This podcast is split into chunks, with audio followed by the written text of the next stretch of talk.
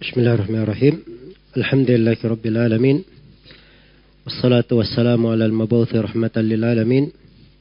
Nabiina Muhammad wa ala alihi wa sahbihi wa man tabi'ahum bi ihsanin ila yaumiddin amma ba'd. Baik, penulis rahimahullahu taala telah menjelaskan tentang bentuk-bentuk ibadah secara global. Ini telah kita baca di sesi yang ke empat. Di sesi yang kelima ini kita akan melanjutkan rincian tentang bentuk-bentuk ibadah yang diterangkan oleh penulis. Jadi penulis kan menyebutkan wa'un wa'ul ibadah, jenis-jenis ibadah allati amarallahu biha, ya Allah perintah. Mithlul islami wal imani wal ihsan ada Islam, iman dan ihsan. Ini tiga hal yang merupakan pokok di dalam ibadah. Dan ini tiga tingkatan agama akan datang penjelasannya. InsyaAllah ta'ala nanti di al-aslu Landasan yang kedua. Wa minhu ad-dua. Jadi di sini disebutkan beberapa jenis ibadah. Diglobalkan penyebutannya. Wa minhu ad-du'a, di antaranya adalah doa. Wal khauf. Al khauf rasa takut. Wal raja pengharapan. Wat tawakkul tawakal. Ya, ar-raghba rasa harap, wal rahba juga rasa takut. Wal khusyu' khusyu' wal khasya khasya juga rasa takut wal inaba inaba atau kembali kepada Allah. Wal isti'ana memohon pertolongan. Wal isti'ada memohon perlindungan. Wal istighatha memohon bantuan. Iya. Al itu memohon dari apa namanya bantuan dan pertolongan. Kita akan uh, bedakan nanti ya antara al-isti'ana dan al-istighatha. Kemudian berikutnya wadzabah menyembelih an-nadar dan nadar.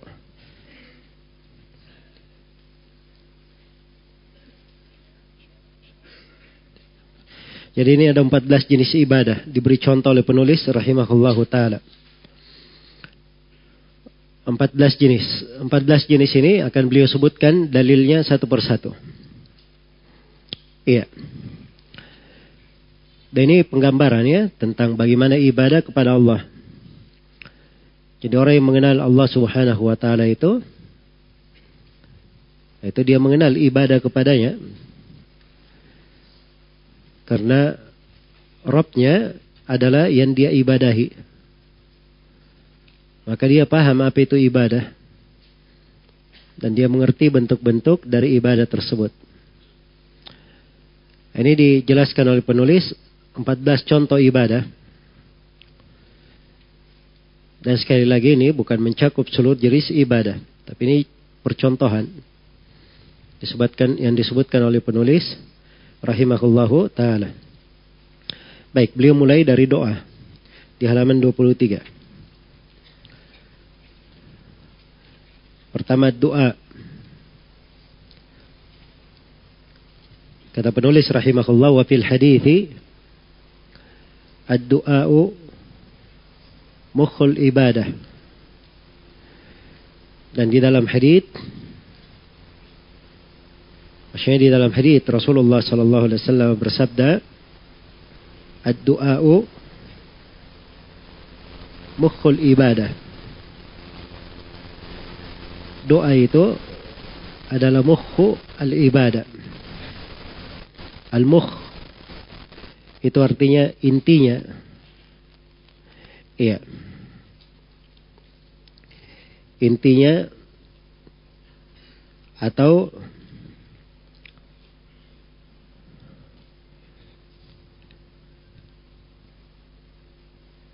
hal yang paling pokoknya. Hal yang paling pokoknya. Itulah yang dikatakan muh. Jadi hadith ini dikatakan ad-du'a'u mukhul ibadah. Doa itu adalah inti atau pokok dari ibadah.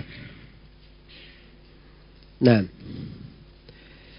ya dengan lafaz ini ad-du'a mukhul ibadah. Ini diriwayatkan oleh Imam Tirmidzi rahimahullahu taala dari Anas bin Malik. Dari Anas bin Malik. Dan di dalam sanatnya ada rawi yang bernama Abdullahi ibnu Lahiyah dan dia adalah hadith yang lemah. Karena itu At-Tirmidzi berkata goribun min hadal wajh aneh dari jalur ini kata gorib dari At-Tirmidzi itu biasanya beliau pakai untuk melemahkan riwayat.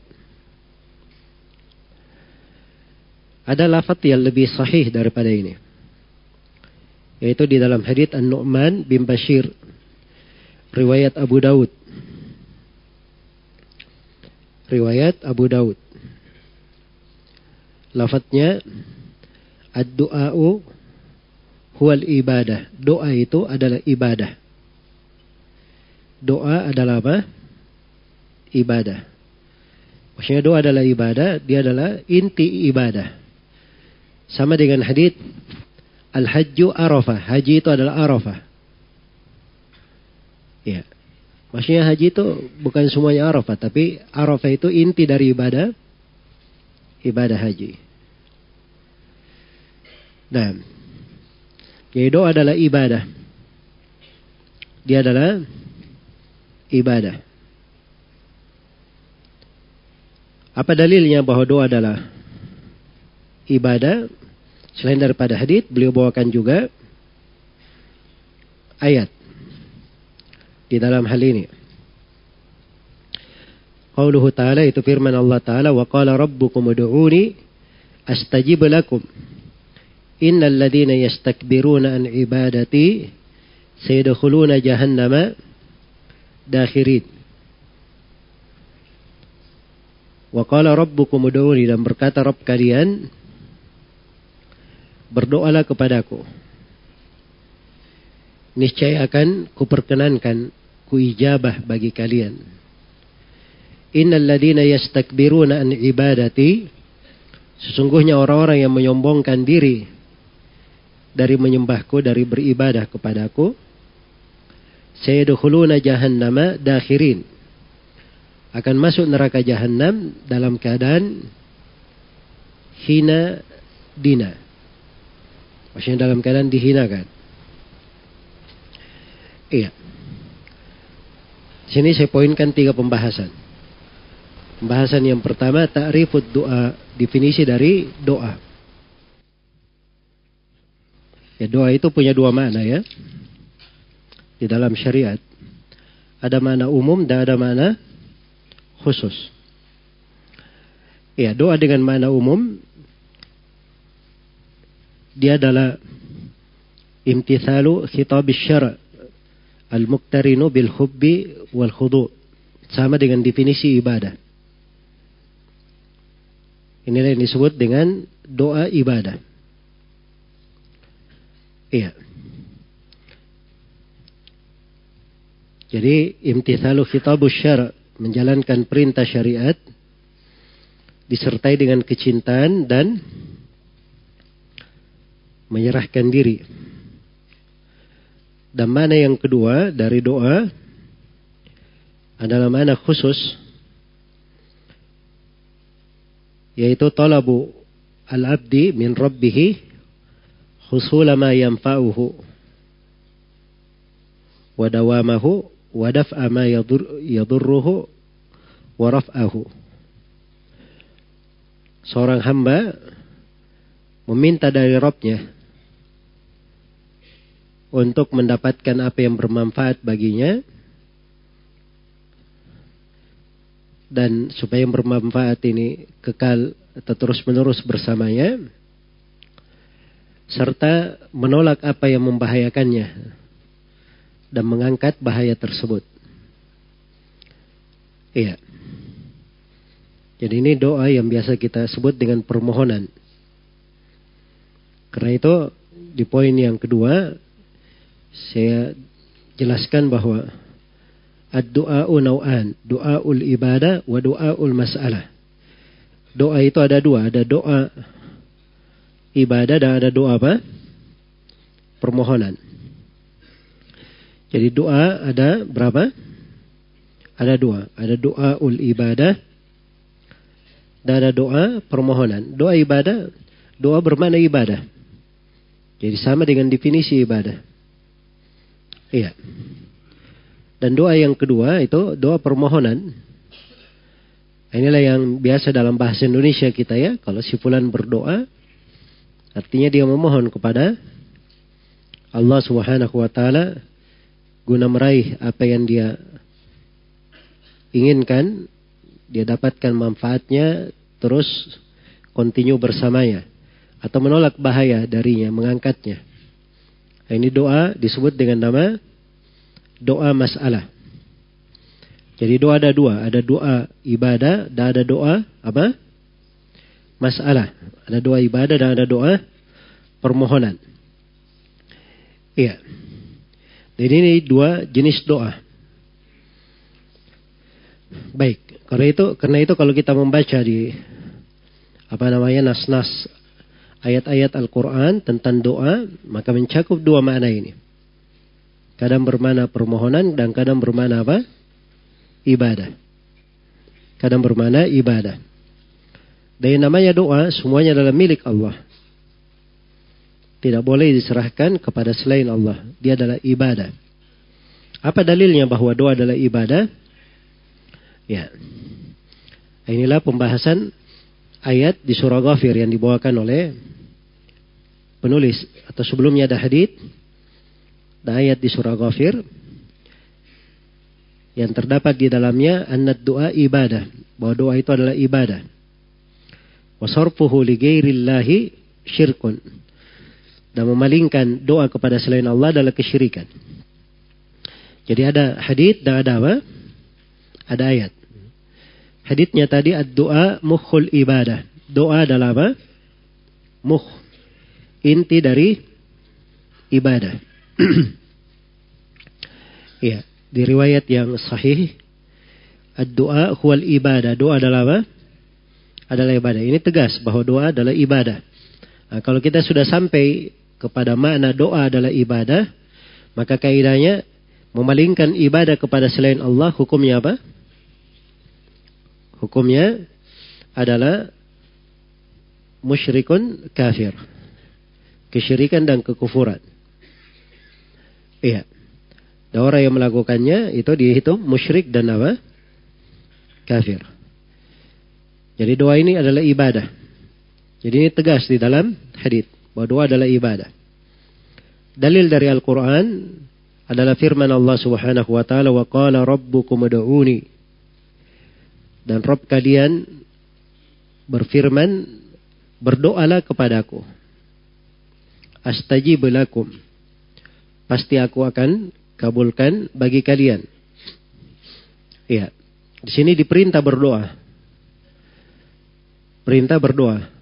Jadi kalau Allah perintah sesuatu, berarti Allah mencintai dan meridai sesuatu tersebut. Jadi kalau Allah perintah untuk berdoa, berarti doa itu dicintai dan diridai oleh Allah Subhanahu wa taala. Jelas ya? Nah, ini menunjukkan bahwa doa adalah ibadah karena doa ini diperintah. Jadi begitu cara pendalilannya. Saya dibawakan dalil ini Allah perintah, dianjurkan, dipuji, diberi pahala. Nah, ini menunjukkan Allah mencintai dan meridainya. Jadi kalau sesuatu sudah dicintai dan diridai oleh Allah, berarti itu adalah apa? Ibadah. Kalau kita sudah sampai ke poin itu adalah ibadah, kaidahnya ibadah tidak boleh dipalingkan kepada selain Allah. Kapan dipalingkan kepada selain Allah walaupun sedikit, maka itu namanya apa? Kesyirikan. Jelas ya? Nah, ini cara dan sudut pendalilan penulis rahimahullah taala dalam pembahasan-pembahasan ini. Iya. Baik, kita detailkan ayatnya. Wa qala rabbukum ud'uni. Dan berkata Rob kalian, Udu'uni, berdoalah kalian kepadaku, mintalah dari hajat dan keperluan kalian. Astajib lakum, aku akan perkenankan, aku akan kabulkan, akan kuberikan permohonan kalian. Innal ladina yastakbiruna ibadati, sungguhnya orang-orang yang bersombong, berpaling dari ibadah kepadaku. Di sini doa disebut ibadah. Doa disebut ibadah. Kan di awalnya suruh berdoa. Terus doa disebut ibadah. Sungguhnya orang yang berpaling dari ibadah. Maksudnya dari doa. Iya. Maka menunjukkan bahwa doa itu adalah ibadah. Sungguhnya orang-orang yang berpaling dariku. Sayyidukhuluna jahannama dakhirin. Mereka akan masuk ke dalam neraka jahannam. Dakhirin. Dakhirin maksudnya dalam keadaan hina. Dalam keadaan dina. Rendah. Iya. Berkumpul padanya antara siksaan dan kehinaan. Dikumpulkan dua hal. Antara siksaan dan apa? Kehinaan. Karena siapa yang banyak berdoa kepada Allah akan diberi pahala besar untuknya dan dia akan dimuliakan. Iya. Karena itu doa di dia dengan dua definisinya, doa ibadah dan doa masalah ini dua-duanya perkara yang agung di dalam apa? di dalam syariat kita. Itu perhatikan di surah Al-Anbiya ya. Surah Al-Anbiya itu surah menjelaskan tentang para nabi. Dan salah satu pokok penekanan surah ini ingin ditampakkan bagaimana ibadahnya para nabi. Dan subhanallah kebanyakan yang disebut di dalam surah ini itu doa-doanya para nabi. Bagaimana mereka bermohon kepada Allah Subhanahu wa taala. Ya supaya diketahui bahwa doa itu dia selalu bermohon kepada Allah itu menunjukkan pengagungan hatinya kepada Robnya dan dia menyadari kelemahan dirinya sehingga dia selalu bermohon kepada Allah ya tidak ada kesombongan pada dirinya bagaimanapun dia berhasil dia sukses dibukakan dari pintu-pintu dunia, pintu kebaikan, dia selalu bermohon kepada Allah. Iya. Karena dia menyadari dirinya sebagai hamba, seorang yang fakir kepada Allah Subhanahu wa taala. Baik. Jadi ini doa adalah ibadah. Ya kalau dia sudah ibadah, kaidahnya ibadah itu harus ikhlas untuk Allah Subhanahu wa taala. Kapan dipalingkan kepada selain Allah, maka itu menjadi apa? Itu menjadi kesyirikan. Baik. Berikutnya yang kedua, al-khawf.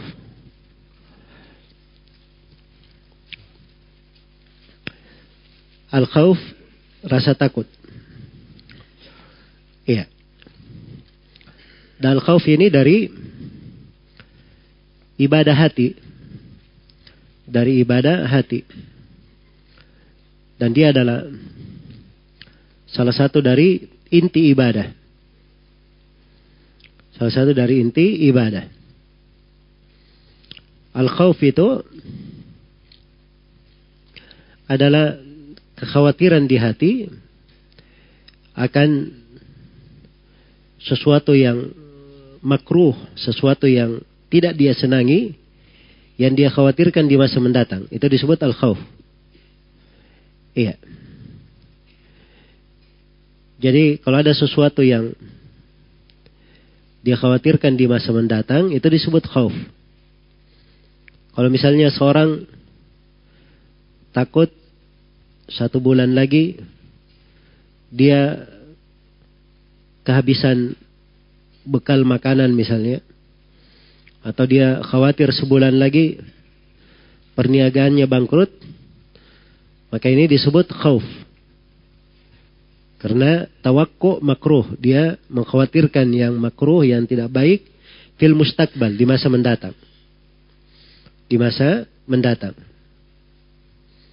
Iya. Yang di sini ada beberapa kata ya di dalam apa namanya pembahasan ibadah. Ada al-khawf, ada al-wajal, ada al-khasyah, dan ada ar-rahbah. Ada ar-rahbah. Nah, ini lafat-lafat mutakaribah, berdekatan. Maknanya tapi tidak sama. Iya. Jadi kalau al-khawf itu itu kekhawatiran di masa mendatang. Kalau al-wajal al-wajal itu apa yang dia khawatirkan di masa sekarang. Yang terjadi sekarang. Jadi kalau misalnya seorang itu melihat singa, nah ini disebut wajal namanya. Dia melihat singa sekarang takut darinya itu disebut wajal. Jelas ya? Nah, ini perbedaan antara al-khawf dan al-wajal. Adapun al-khasyah dan ar-rahba akan kita terangkan nanti. Akan datang di definisi penulis rahimahullahu taala. Iya. Jadi khauf ini adalah ibadah. Apa dalilnya bahwa khauf adalah ibadah? Kata penulis rahimahullah wa dalilul khaufi. Iya. Maksudnya dalil bahwa khauf adalah apa? Adalah ibadah. Dalil bahwa khauf adalah ibadah. Begitu maksudnya. adalah firman Allah Subhanahu wa taala Qauluhu ta'ala fala takhafuhum wa khafuni in kuntum mu'minin Janganlah kalian takut kepada mereka. Maksudnya kaum musyrikin, tapi takutlah kalian kepadaku kalau memang kalian itu beriman. Baik, saya sudah definisikan apa itu khauf. Sisa bentuk dari khauf itu apa? ya. Bentuk dari khauf. Sebelum kita bicara bentuk, ada baiknya kita lihat pembahasan yang ketiga tafsir ayat allati fiha annal khauf ibadah. Tafsir ayat yang menunjukkan bahwa khauf adalah apa? Ibadah. Iya. Kita sampai dulu ke pembahasan khauf adalah apa? Ibadah. Jadi ayat ini dikatakan fala takhafuhum. Jangan kalian takut kepada mereka. Mereka siapa? Kaum musyrikin. Sebab ini memang ayat di surah Al-Imran ya. Pembahasan sebelumnya terkait dengan perang Ahzab disebut dengan perang Khandaq. Jangan kalian takut kepada mereka.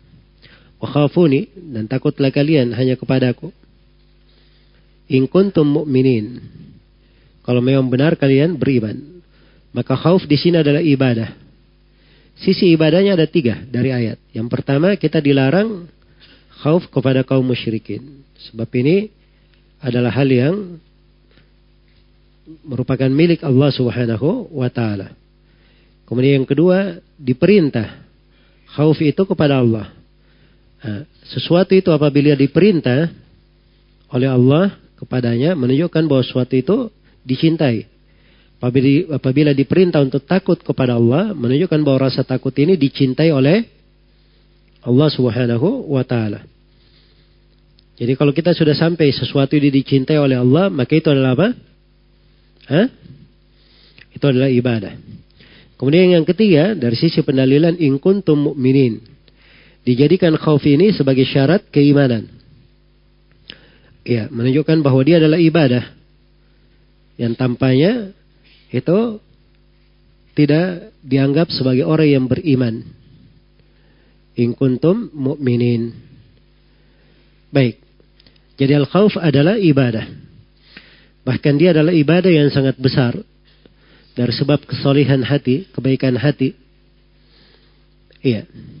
Karena itulah pokok penghambaan yang hendaknya ada di hati hamba itu ada tiga ya. Ada khauf, ada roja, dan ada al-hub, rasa cinta. Mahabbah kepada Allah subhanahu wa ta'ala. Ya, karena itu di dalam Al-Quran disebutkan ya para nabi. Bagaimana rasa takutnya kepada Allah. Nabi Nuh berkata, ini akhafu alaikum adaba yaumin azim. Saya takut atas kalian siksaan hari yang sangat dahsyat. Itu juga yang diucapkan oleh Nabi Shu'aib dan Nabi kita Nabi Muhammad sallallahu alaihi wasallam. Beliau berkata, dikatakan kepada Nabi Muhammad, "Qul inni akhafu in asaitu rabbi adaba yaumin azim." Katakanlah sesungguhnya saya ini takut kalau saya bermaksiat kepada Rabbku saya takut siksaan di hari yang sangat dahsyat, hari yang sangat besar. Iya. Dan berbicara tentang khauf, ini pembahasan yang luas ya, sebab fikih dari ibadah yang sangat agung. Iya. Baik. Jadi ini yang disebut dengan nama al-khawf. Rasa takut kepada Allah Subhanahu wa taala. Nah boleh rasa takut itu hilang dari hati seorang hamba. Sebab kapan rasa takut berpisah dari hati, pasti akan merusak hati itu. Itulah yang dikatakan oleh Abu Sulaiman Ad-Darani rahimahullah, "Ma faraqal khawfu qalban illa kharib." Tidaklah hati itu berpisah dengan rasa takut kecuali hatinya akan menjadi rusak. Hatinya akan menjadi rusak. Iya. Kalau kita sebutkan ayat-ayat tentang khauf itu banyak ya. Tentang khauf. Waliman khafa maqama rabbih jannatan. Bagi siapa yang khauf terhadap kedudukan Robnya, dia dapat dua sorga. Nah, ini dua sorga ini, ini untuk orang yang memiliki derajat khauf. Iya. Kan di surah Rahman itu ada dua sorga paling tinggi, ada lagi dua sorga di bawah. Ini dua sorga yang paling tinggi, itu disebutkan waliman khafa maqama rabbih. Bagi siapa yang takut kepada makam Rabbihi, kedudukan Robnya. Dan takut kepada kedudukan Rob, kedudukan Rob di situ ditafsirkan dengan dua penafsiran. Penafsiran yang pertama, kedudukan Rob bermakna keagungan dan kebesaran Allah. Dia takut akan kebesaran Allah, keagungannya. Ya, dan ini tidak lahir dari kecuali dari orang yang mengenal Allah Subhanahu wa taala. Kemudian yang kedua maqam rabbih dia takut ketika berdiri di depan Allah, mempertanggungjawabkan amalan. Karena itu dia selalu mempersiapkan amalannya, memperbaiki dari ketaatannya. Karena dia khawatir berdiri di depan Allah, terus dia dapatkan catatannya tidak bagus. Atau amalannya tidak baik. Iya. Maka ini dua penafsiran. Waliman khafa maqama rabbihi. Bagi siapa yang takut kedudukan Robnya. Iya. Baik, dan sekali lagi ini rasa takut bukan sendiri ya, ada rasa takut, ada rasa harapan, dan ada rasa apa? Rasa cinta. Ini tiga hal, tidak berpisah. Itu diibaratkan oleh sebagian ulama, tiga ibadah ini itu bagikan burung. Rasa cinta itu badan burung, badannya. Rasa takut dan rasa harapan ini dua sayap dua sayap. Dan ini semuanya harus lengkap. Iya, kapan kurang sebagiannya dia tidak seimbang. Dan dia keluar darinya, nah ini dia pasti masuk di dalam kesesatan.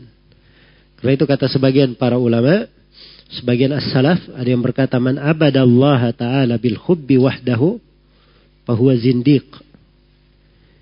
Siapa yang beribadah kepada Allah dan sekedar cinta saya, maka dia adalah zindik. Wa man abadahu bil khawfi wahdahu fahuwa haruri. Siapa yang beribadah kepada Allah dengan takut saya, maka dia adalah khawarij. Wa man abadahu bil rajai wahdahu fahuwa murji. Dan siapa yang beribadah kepada Allah dengan rasa harapan saya, maka dia murjiah. Orang murjiah. Iya. Tapi harus dia kumpulkan tiga kedudukan ini sekaligus. Sebagaimana Allah kumpulkan dalam sebuah ayat. Ulaika alladhina yad'una ila rabbihim al-wasila. Ulaika alladhina yad'una yabtaguna ila rabbihim al-wasilata ayyuhum aqrab. Wa yarjuna rahmatahu wa yakhafuna adabah. Mereka ini adalah orang-orang yang beribadah. Bagaimana ibadah? Yabtaguna ila rabbihimul wasilata ayyuhum aqrab. Dia cari dari Robnya segala wasilah yang paling dekat. Ini rasa cinta namanya. Wa irjuna rahmata. Mereka punya roja terhadap rahmat Allah. Wa yakhafuna adabah. Dan mereka takut kepada adabnya. Jadi kumpulkan tiga ibadah ini dalam sebuah ayat. Baik. Dan rasa takut yang benar itu rasa takut yang menyebabkan adanya harapan. Jadi kalau ada yang rasa takutnya membuat dia putus asa dari kehidupan dunia, Hah? membuatnya apa namanya sulit beribadah, maka ini bukan rasa takut yang benar. Sama kalau dia berharap, kalau dia berharap tidak menghasilkan rasa takut, maka ini juga harapan yang tidak benar. Iya. Itu gurur namanya. Baik, jadi harus seimbang rasa takut dan rasa harapan. Baik, aksamul khauf. Bentuk-bentuk rasa takut ini. Rasa takut itu ada beberapa jenis, ada beberapa bentuk. Iya. Ada empat bentuk rasa takut. Yang pertama adalah khauful ibadah, rasa takut ibadah. Ini yang kita bahas ini ya, rasa takut ibadah. Yang dia dengan rasa takut ini beribadah kepada Allah dengannya. Dengan rasa takutnya. Iya. Baik. Nah, ini dipalingkan kepada selain Allah, ini adalah syirik akbar. Jadi kalau ada yang dia beribadah kepada selain Allah dengan rasa takut, maka itu syirik akbar. Jelas ya? Ini rasa takut yang pertama. Rasa takut yang kedua, dari bentuk rasa takut ada namanya khaufus sir. Iya. Rasa takut kepada sesuatu yang rahasia. Misalnya dia takut kepada penghuni kubur. Dia takut kepada seorang dari blok. Iya. Yang mana yang dia takut ini dia khawatir tertimpa dengannya. Maka pusir ini juga dihitung dari syirik akbar. Dihitung dari apa? Syirik akbar. Nah, seperti orang yang kalau dia tidak pergi ziarah ke kuburan wali misalnya, dia khawatir akan berantakan perniagaannya. Dia akan tertimpa musibah. Ini khawfus syir. Ini syirik akbar namanya. Iya. Baik. Nah ini banyak terjadi ya di tengah umat Islam. Ada sebagian masyayikh yang menyebutkan kisah ya di Mesir. Tanya ada seorang penumpang taksi dan dia ini orang yang bagus tauhidnya. Begitu jalan pas di pinggir jalan di lampu merah ada peminta-minta. Maka oleh penumpang ini tidak dikasih duit. Maka peminta-minta ini bersumpah dengan nama Badui dengan nama Al-Badawi. Al-Badawi ini ini seorang yang dikubur di Mesir dan kuburnya diagungkan. Iya. Dia bersumpah dengan nama Al-Badawi kamu beri saya. Ya kata penumpang yang bertauhid ini, kamu bersumpah lagi dengan nama selain Allah. Ya. Saya tidak akan memberimu selama-lamanya. Akhirnya berjalan lewat lampu merah. Ya. Tidak ada masalah dengan penumpangnya. Yang masalah ini sopirnya. Kelihatan khawatir, gemetar dia. Ditanya oleh penumpang, ada apa? Ya kamu tadi orang minta dengan nama Badui, kamu tidak kasih. Ya kita, saya khawatir nih, kita kena musibah di jalan.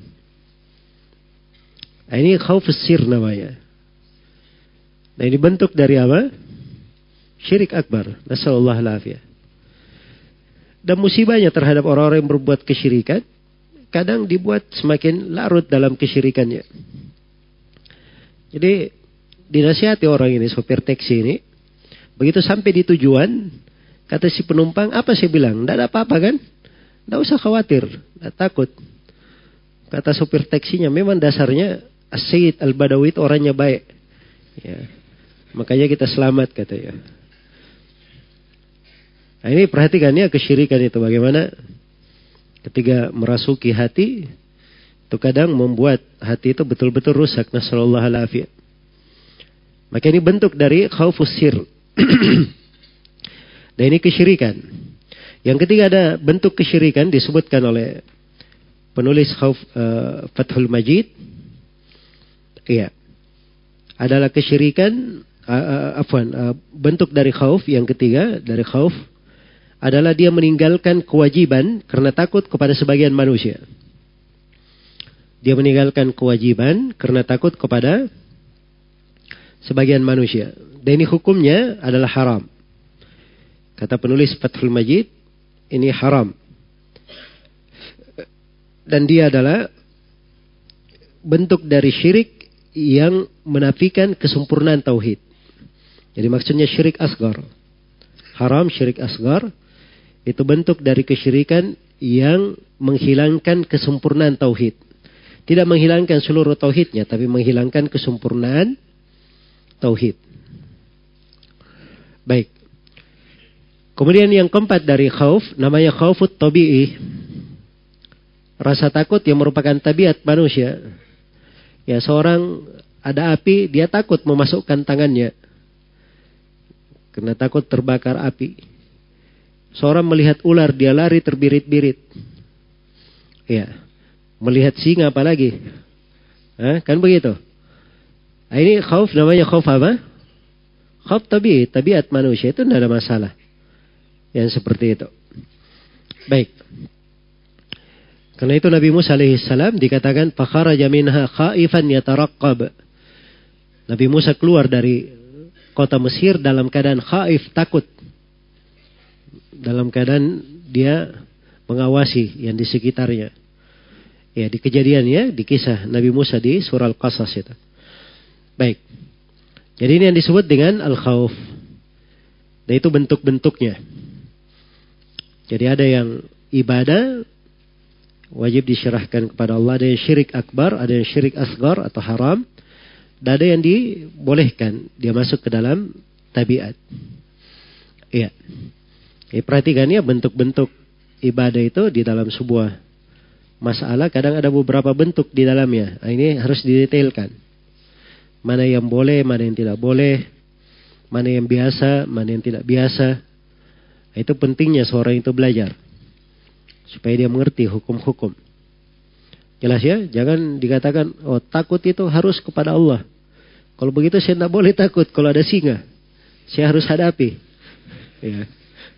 Nanti saya jatuh dalam kesyirikan. Wah ini bahaya juga ya kalau ada yang seperti ini pemahamannya. Iya. Sampai saya pernah dicerita.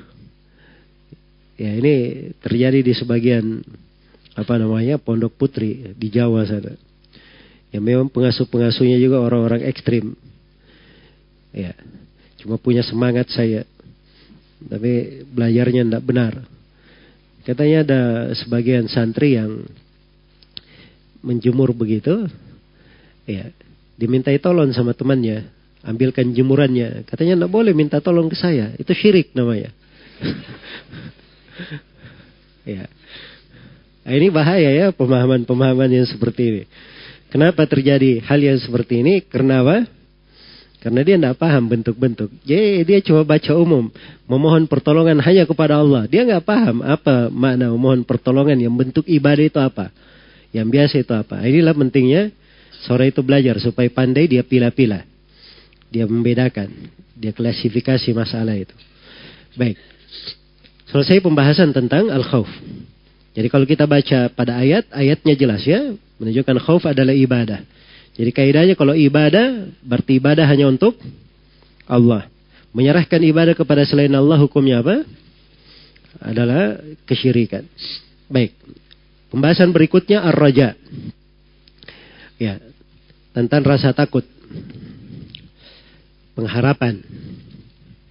Nah, roja itu ibadah hati juga. Roja adalah ibadah hati.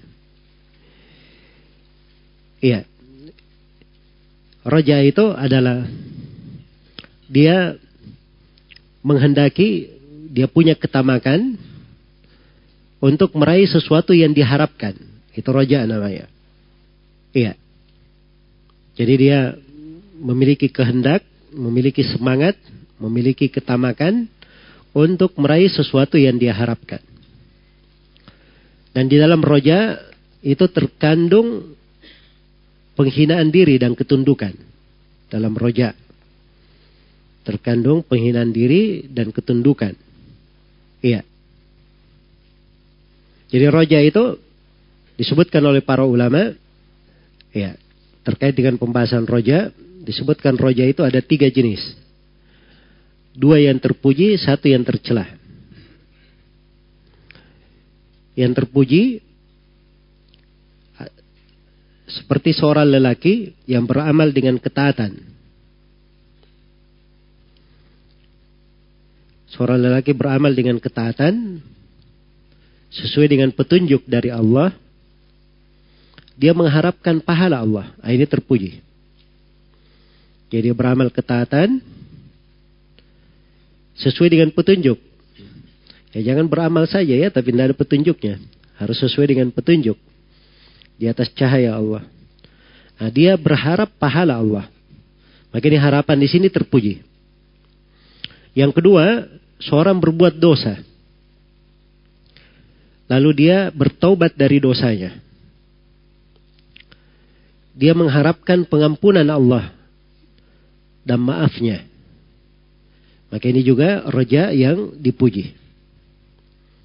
Seorang berbuat dosa, lalu dia bertobat dari dosanya. Dia mengharapkan pengampunan dari Allah dan maaf darinya. Maka ini juga terpuji. Iya. Dan yang ketiga, seorang yang terus-menerus di dalam kelalaian dan dosa. Dan dia mengharap rahmat Allah tanpa beramal. Ya. Maka ini yang tercelah. Ini bukan roja namanya. Tapi ini gurur. Ya. Ini namanya tertipu.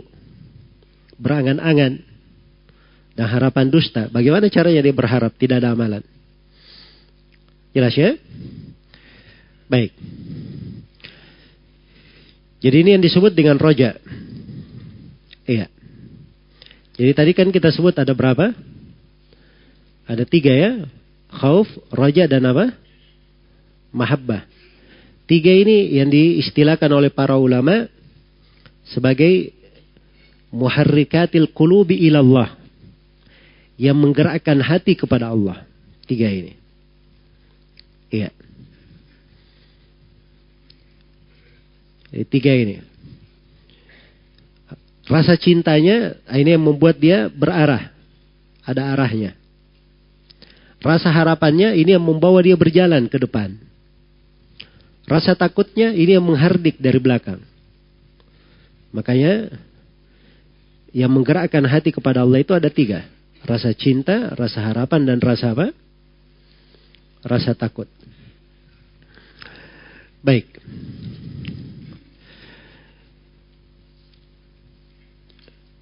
Iya.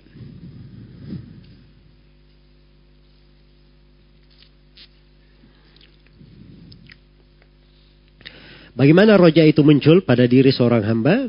Itu ada beberapa sebab. Di antaranya, dia banyak berdikir mengingat Allah yang dia cintai.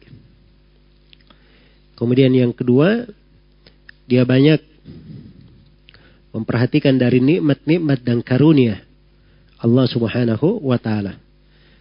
Iya. Baik. Jadi ini di antara dua sebab ya yang menyebabkan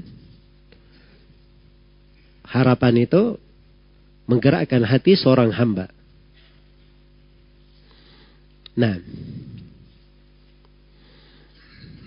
Dan di antara pokok yang memunculkan harapan juga yang ketiga, itu adalah pengetahuan dia tentang Allah, nama-nama dan sifatnya.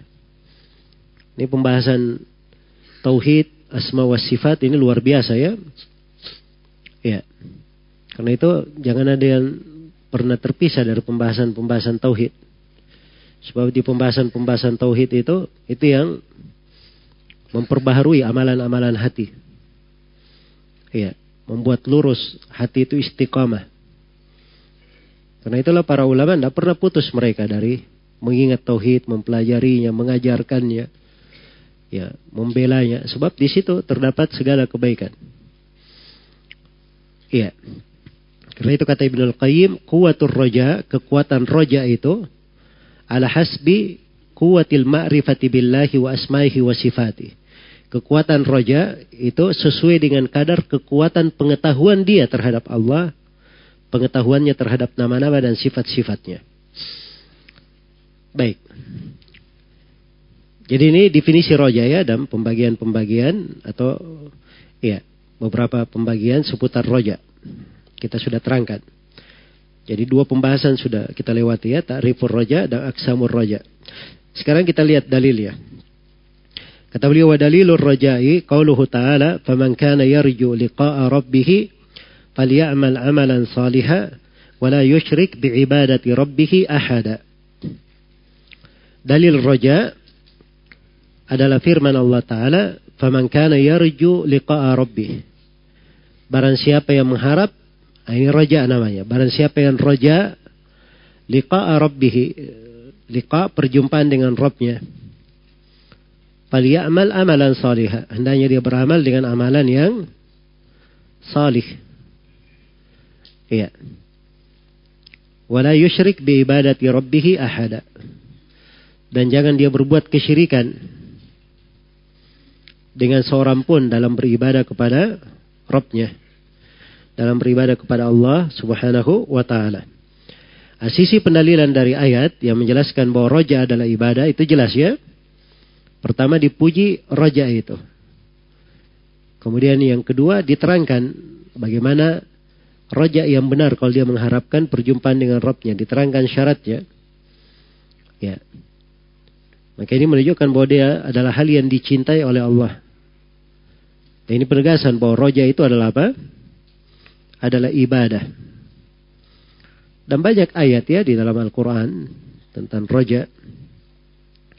Ya di antaranya adalah firman Allah Subhanahu wa taala laqad kana lakum fi rasulillahi uswatun hasanah liman kana apa? Yarjullaha wal yawmal akhir wa dzakarallaha katsira. Telah ada untuk kalian pada diri Rasulullah sallallahu alaihi wasallam suri teladan yang baik. Bagi siapa yang raja mengharapkan Allah hari akhirat dan banyak mengingat kepada Allah. Nah, jadi itulah sifatnya orang-orang yang beriman. Orang yang tidak memiliki roja, ini klasifikasinya kepada orang-orang kafir. Ya, disebutkan di dalam Al-Quran, Innal ladina la yarjuna liqa'ana waradu bil hayati dunya watma'annu biha walladina hum an ayatina ghafilun ulaika ma'wahumun naru bima kanu yaksibun. Orang-orang yang tidak mengharapkan berjumpa dengan kami. Jadi kalau dia tidak ada harapan, roja, berjumpa dengan Allah, ya maka ini yang disebut dalam ayat. Dia tidak berharap berjumpa dengan Allah. Ridho dengan kehidupan dunia. Merasa tenang dengan dunia. Dan mereka lalai dari ayat-ayat kami. Ya, ini naudzubillah ya, kalau berkumpul empat sifat ini, ya, tidak mengharap berjumpa dengan Allah, dia cinta sekali dengan dunianya, merasa tenang dengan dunia itu, Ya, ketenangannya itu kalau dapat dunia baru dia tenang. Kalau tidak dunianya dia tidak tenang. Dan yang keempat, dia lalai dari ayat-ayat Allah. Kalau berkumpul empat sifat ini, dikatakan ulai kama nar. Mereka ini tempat tinggalnya adalah neraka. Bimakanu yaksibun. Karena amalan yang mereka kerjakan. Jadi dalil-dalil tentang roja itu banyak. Ya. Semuanya menunjukkan bahwa roja adalah apa? Adalah ibadah. Ibadah itu hanya diserahkan kepada Allah Subhanahu wa taala. Baik. Di sini di ayat terkait dengan ayat tafsirnya, "Faman kana yarju liqa'a rabbih", barang siapa yang mengharapkan perjumpaan dengan Robnya. Ya, dan ini terbuka untuk siapa saja. Setiap orang itu punya harapan. Ya, jangan dia merasa dirinya tidak ada harapannya. Oh saya sudah berusaha, sudah berupaya, berulang kali begini dan begitu. Kelihatannya saya ini tidak diciptakan untuk itu. Ya, Nah, ini orang putus asa namanya. Putus harapan. Nah itu tidak diperbolehkan. Ini terbuka untuk siapa? Untuk siapa saja. Pamangkana yarju liqa'a rabbih. Liqa'a rabbih itu ditafsirkan dengan dua penafsiran. Penafsiran yang pertama liqa'a rabbih bermana ru'yata rabbih. Melihat Allah. Ditafsirkan dengan ar-ru'yah. Dia melihat Allah. Dan penafsiran yang kedua, liqa'a rabbih bermana al-mulaqah, perjumpaan dengan Robnya, yaitu dia menghadap kepada Allah, berjumpa dengannya. Maksudnya mulaqah, perjumpaan yang dia berbahagia dengannya. Iya. Perjumpaan yang dia berbahagia dengannya. Jadi kalau siapa yang mengharapkan melihat Allah, ya melihat Allah ini kalau disebut melihat Allah itu berarti sudah nikmat ya.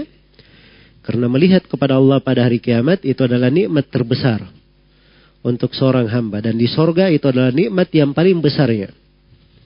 Tidak ada yang lebih besar daripada nikmat melihat kepada Allah. Iya. Jadi liqa di sini punya dua mana. Bisa bermana ar-ru'ya dan bisa bermana apa? Al-mulaqah. Perjumpaan. Nah, dan demikian di beberapa ayat lain dalam Al-Quran. Kalau dapat kata liqa bisa diartikan dengan dua mana ini. Kecuali di ayat di surah Al-Ahzab. Ya. Itu liqa di situ hanya ditafsirkan dengan mana melihat dengan mata kepala. Tahiyatuhum yawma yalqawnahu salam. Tahiyat mereka penduduk sorga untuk penduduk sorga yalqawnahu hari mereka melihat Allah dengan mata kepalanya salam. Dikatakan kepada mereka salam. Di situ yalqaunahu dari kata liqa. Liqa di sini ditafsirkan oleh para ulama ahli bahasa. Dan ini diriwayatkan oleh Ibnu Battah dengan sanatnya kepada Abu Yahya Tha'lab, salah seorang pakar bahasa. Beliau katakan yalqauna yalqaunahu di situ artinya yaraunahu bi yaraunahu iyanan. Mereka melihatnya dengan mata kepala dengan mata kepala. Karena kata liqa berjumpa dengan kata tahiyah. Kalau dia berkumpul dalam satu kata, maka liqa di sini mananya melihat dengan mata kepala. Jelas ya? Dan ini dimaklumi secara bahasa. Dan ini dari ayat-ayat Al-Quran yang membantah ahlul bidah yang mengingkari Allah dilihat pada hari kiamat.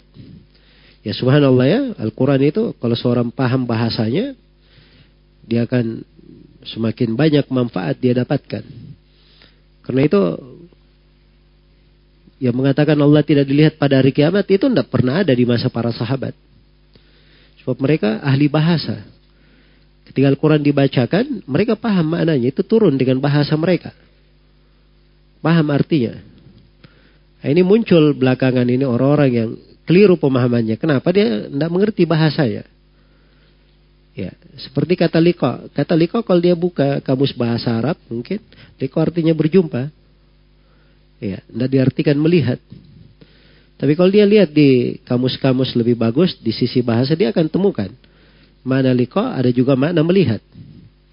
Bahkan bisa bermana melihat dengan mata kepala. Itu kalau berjumpa dengan kata apa? Kata tahiyah. Nah, itu bahasa Arab seperti itu, penggunaan kalimat-kalimat. Dia di sini maknanya begini, di sini maknanya begini, di sana maknanya begini. Dan itu dikenal di kalangan orang Arab dari bahasa mereka. Jelas ya? Baik, karena itu banyak orang yang keliru di dalam memahami pembahasan-pembahasan akidah, dia tidak mengerti bahasa. Dia tidak mengerti bahasa. Iya. Nah itu seorang tidak cukup dia apa namanya apalagi orang ajam ya kayak kita itu dia hanya lihat terjemahan saya. Dia baca terjemahan. Dia buka kamus-kamus bahasa Indonesia, terjemahan bahasa Indonesia. Ya dia terjemahkan dengannya ayat-ayat dan hadits itu tidak benar ya. Dia baca tafsir ayatnya bagaimana di kalangan para ulama, tafsir haditsnya. Itu lengkap buku-buku yang menerangkannya, yang menjelaskannya. Itu baru ilmu namanya. Baru ilmu. Ya apalagi orang yang cuma memahami agama hanya baca tafsir atau hanya baca terjemahan makna Al-Quran yang tersebar. Dia coba baca dari sana ya bikin pendalilan, kesimpulan, dia cabangkan permasalahan menjadi sepuluh pembahasan. Dari bahasanya, akar bahasanya dia keliru memahami. Ya bagaimana bisa sampai kepada apa?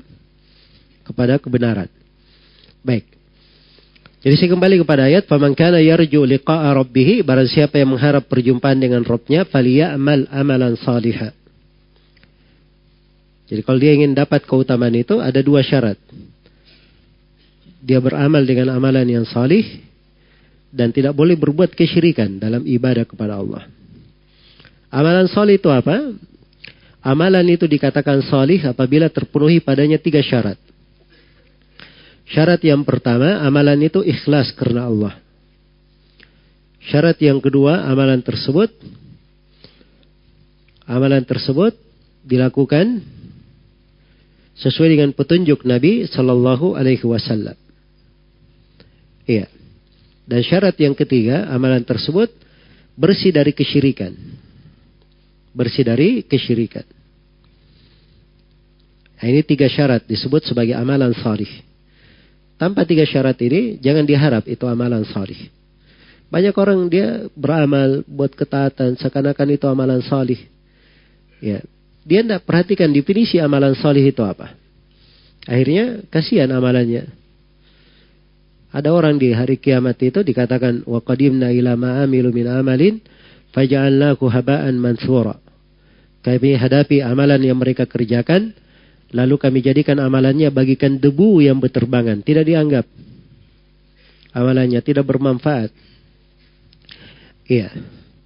Hal nunabbi'ukum bil akhsarina a'mala alladhina dhalla sa'yuhum fil hayatid dunya wa hum yahsibuna annahum yuhsinuna sun'a. Apakah kalian ingin kami beritakan orang yang paling merugi amalannya, orang yang paling merugi ya adalah orang-orang yang beramal dengan amalan dia sangka di atas kebaikan. Ya. Alladzina apa orang-orang yang tersesat amalannya, hilang amalannya, padahal dia sangka dirinya berbuat baik. Ya, karena itu seorang mukmin tidak seperti itu. Dia pastikan ini amalan saleh ada tiga syarat tadi. Amalan saleh harus ikhlas sesuai dengan petunjuk Nabi dan bersih dari apa? Kesyirikan. Iya, pelakunya harus seorang mukmin bukan musyrik. Kemudian disebutkan di sini wala yusyrik bi ibadati rabbih ahada. Dan jangan dia mempersekutukan seorang pun di dalam ibadah kepada Robnya kepada Allah Subhanahu wa taala. Baik, selesai pembahasan tentang roja. Ya. Pembahasan berikutnya adalah terkait dengan masalah apa? Dengan masalah tawakul, masalah tawakal. Iya. Baik, di pembahasan tawakal ini ada tiga pembahasan. Yang pertama ta'rifut tawakul, definisi tawakal. Ya kalau bahasa Indonesia-nya tawakal ya, kalau bahasa Arabnya tawakul. Yang kedua aksamu tawakul, bentuk-bentuk tawakul atau tawakal. Yang ketiga tafsirul ayat ini fihi ma'anna tawakkula ibadatun. Tafsir dua ayat yang disebut oleh penulis pada dua ayat ada dalil bahwa tawakal adalah apa? Adalah ibadah. Tawakal itu secara secara definisi Artinya sidqu at-tafwid wal i'timad 'ala Allah. Ketulusan di dalam menyerahkan segala urusan kepada Allah dan ketulusan dalam bersandar kepada Allah. Iya. Wa idhari al-ajiz wal istislamilah. Dan dia tampakkan kelemahannya dan berserah diri kepada Allah. Nah, ini tawakal namanya. ketulusan dalam menyerahkan diri dan bersandar kepada Allah, dia berserah diri kepada Allah dan apa? Menampakkan kelemahannya. Nah, ini yang disebut dengan apa? Dengan tawakal. Iya. Dan tawakal ini didahulukan oleh penulis sebelum menyebut inaba. Karena inaba memang itu kedudukan setelah tawakal. Jadi tawakal dulu baru inaba. Kalau ada tawakalnya baru dia dikatakan sebagai apa? Sebagai inabah. Ya, sebab tawakal itu wasilah menuju kepada inabah. Hakikat dari tawakal itu ada tiga hakikat pada tawakal. Yang pertama, bersandarnya hati kepada Allah Subhanahu wa taala semata. Bersandarnya hati hanya kepada Allah Subhanahu wa taala semata. Iya. Kemudian yang kedua, dia mengambil sebab. Dia melakukan sebab. Kemudian yang ketiga, dia tidak melihat kepada sebab. Setelah dia dapatkan apa yang dia cari. Itu hakikat dari tawakal. Jadi kalau misalnya orang tawakal dalam berobat, dia sakit ya berobat. Bagaimana dia tawakal yang benar? Pertama dia sandarkan dirinya kepada Allah Subhanahu wa taala. Dia sakit ini ya. Bagaimana seorang sakit bertawakal kepada Allah? Pertama dia sandarkan sakitnya kepada Allah. Dia berserah diri. Ya, di situlah ketulusannya berserah diri.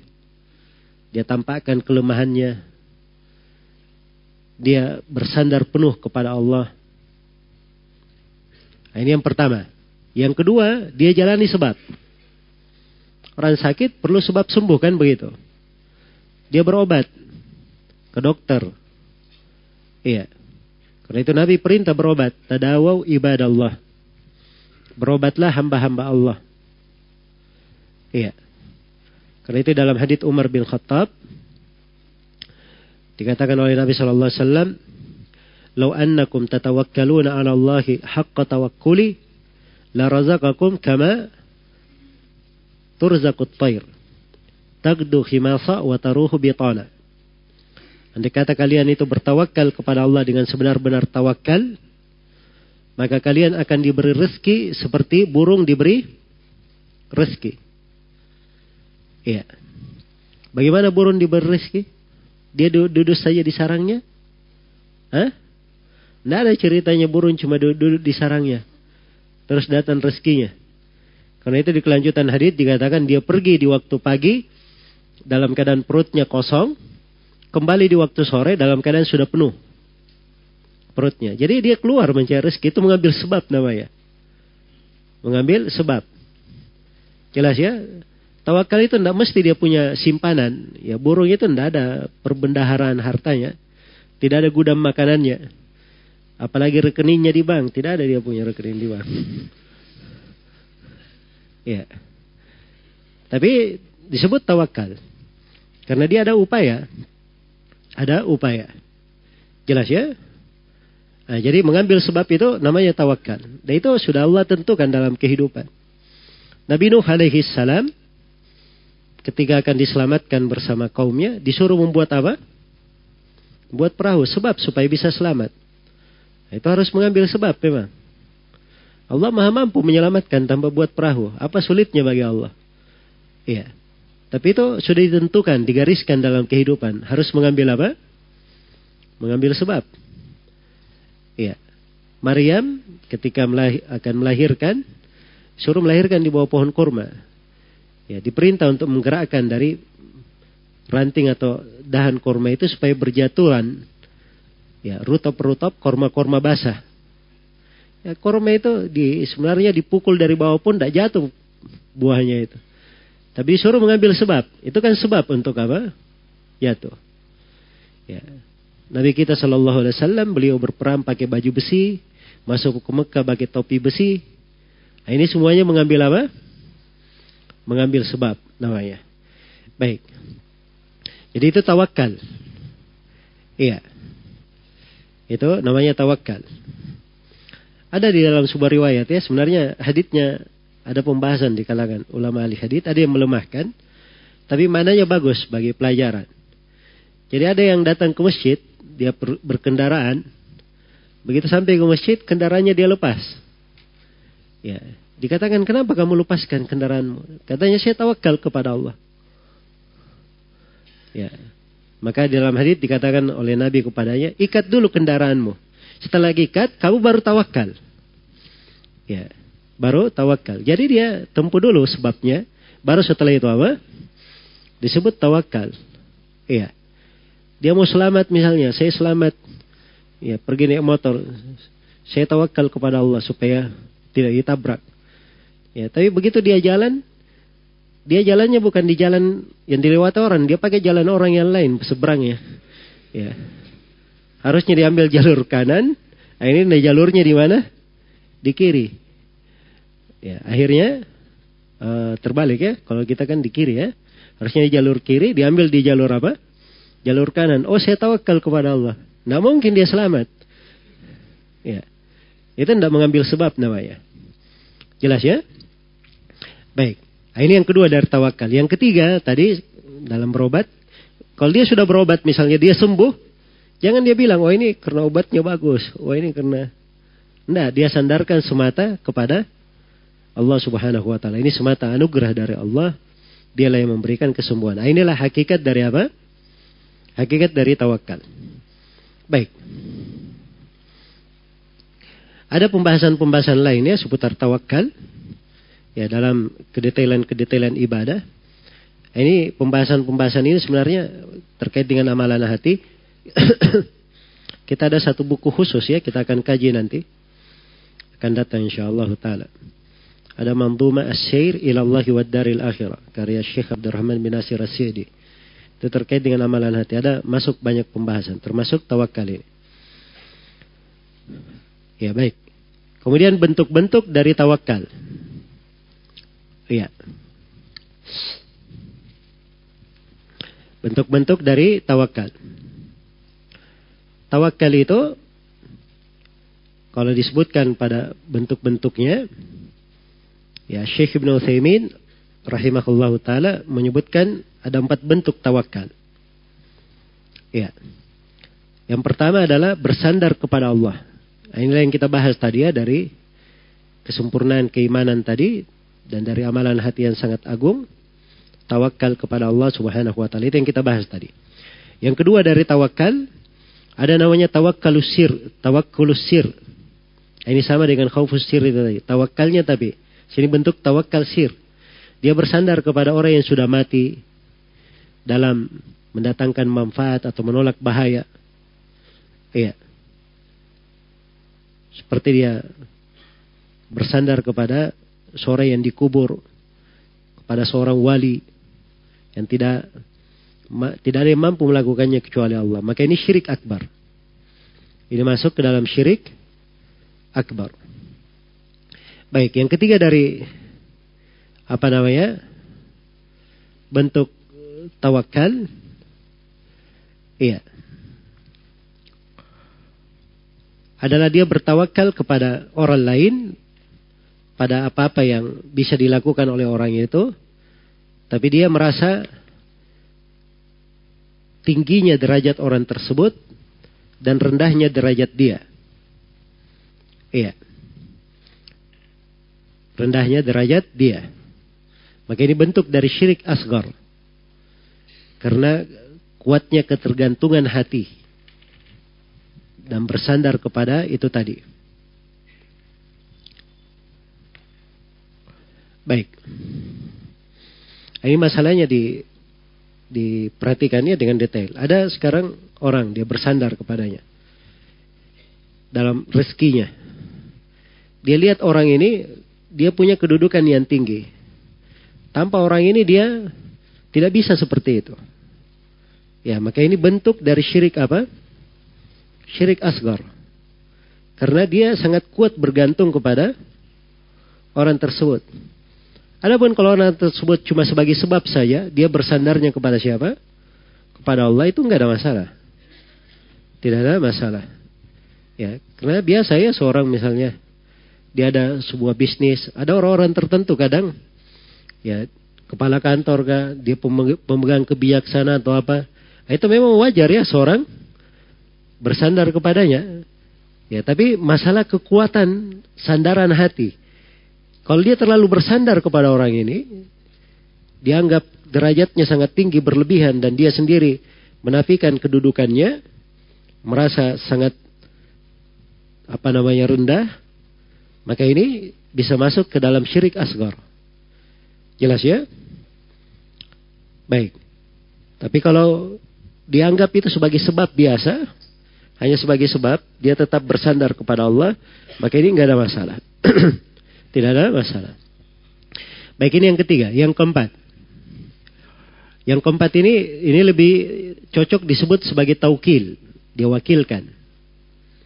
Ya dia wakilkan orang lain untuk mengerjakan apa-apa yang ingin dia kerjakan. Ini disebut oleh Syekh di sini ya. Cuma ini cocoknya disebut dengan nama apa? Taukil, diwakilkan. Iya. Dan mewakilkan itu boleh saya. Diwakilkan orang lain mengerjakan pekerjaannya. Diwakilkan orang lain mencari hajatnya. Seperti Nabi Yakub diwakilkan anak-anaknya mencari Nabi Yusuf. Kan begitu. Taukil nggak ada masalah. Nabi wakilkan sejumlah sahabat menjaga sedekah, ya memimpin sebagian wilayah. Diwakilkan kepada Ali bin Abi Thalib untuk menyembeli sembelihannya. Nah, ini taukil. Taukil yang seperti ini tidak ada masalah. Baik. Jadi ini empat jenis tawakal di dalam penjelasan Syekh Ibn Uthaymin rahimahullahu taala. Baik, selesai tentang tawakal. Kita berpindah kepada pembahasan berikutnya ar-raghbatu war-rahbatu wal khusyu'. Raghba, harapan, rahba, rasa takut dan khusyuk. Ya, ini tiga ya. Ada dua pembahasan di sini, ta'rifur ragaba war rahba wal khusyu. Definisinya apa?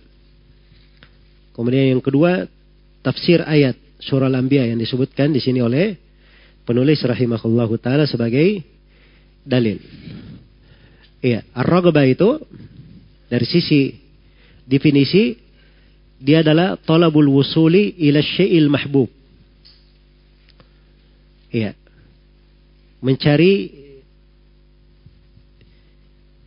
mencari jalan untuk sampai kepada sesuatu yang dia cintai. Mencari jalan untuk sampai kepada sesuatu yang dia cintai. Iya. Baik. Bedanya apa dengan roja? Hah?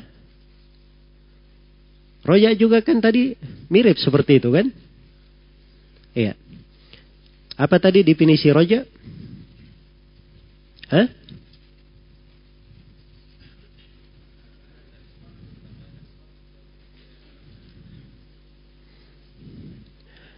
Iya. Kita tadi sebutkan definisi roja ya. Bahwa roja itu adalah arok badan tama. Semangat, ketamakan, keinginan untuk mencapai sesuatu yang apa? Diharapkan. Nah, itu roja. Kalau ar dia mencari jalan untuk sampai kepada sesuatu yang dia cintai. Ya, ada perbedaannya kelihatan? Hah? Ya dari sisi mengharap sama-sama harapan betul kalau diharap kan. Tapi ada perbedaan. Kalau roja itu dia ketamakan, harapan, keinginan. Ya. Tapi kalau rogoba dia sama keinginan, tapi bedanya rogba ini dia menempuh jalan untuk ke sana. Ada jalan yang ditempuh ke sana. Jelas ya? Itu yang membedakannya. Antara dua hal. Jadi misalnya, iya, misalnya seorang ingin masuk surga. Semangatnya dia, ketamakannya ingin masuk surga, ini disebut apa? Disebut roja. Ya. Sekarang dia semangat masuk surga. Dia beramal soleh untuk masuk surga. Nah, amalan soleh dia semangat beramal soleh untuk masuk surga ini, ini disebut apa? Nah, ini disebut ragobah. Nah, itu yang membedakannya. Jelas ya? Ya, kalau dari sisi mana memang bahasa Indonesia seperti itu, targib, tarhib ya. Targib itu memang kalau bahasa targib kita diberikan anjuran kepada amalan-amalan soleh untuk mendekatkan kepada rahmat Allah. Kan begitu? Kepada surga Allah. Nah, itu targib. Baik. Jadi ini perbedaan antara rogba dan apa? Rogba dan roja. Iya. Baik.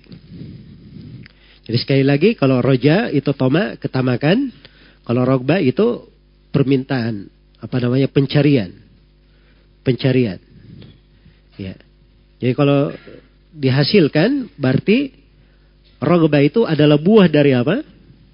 Buah dari roja. Dia ada ketamakan, rogbanya, tamaknya ini membuat dia melangkah untuk apa? Untuk mencarinya. Untuk mencarinya. Iya. Karena itu bahasanya di wejangan kepada Nabi Muhammad, "Faida faragta fansab."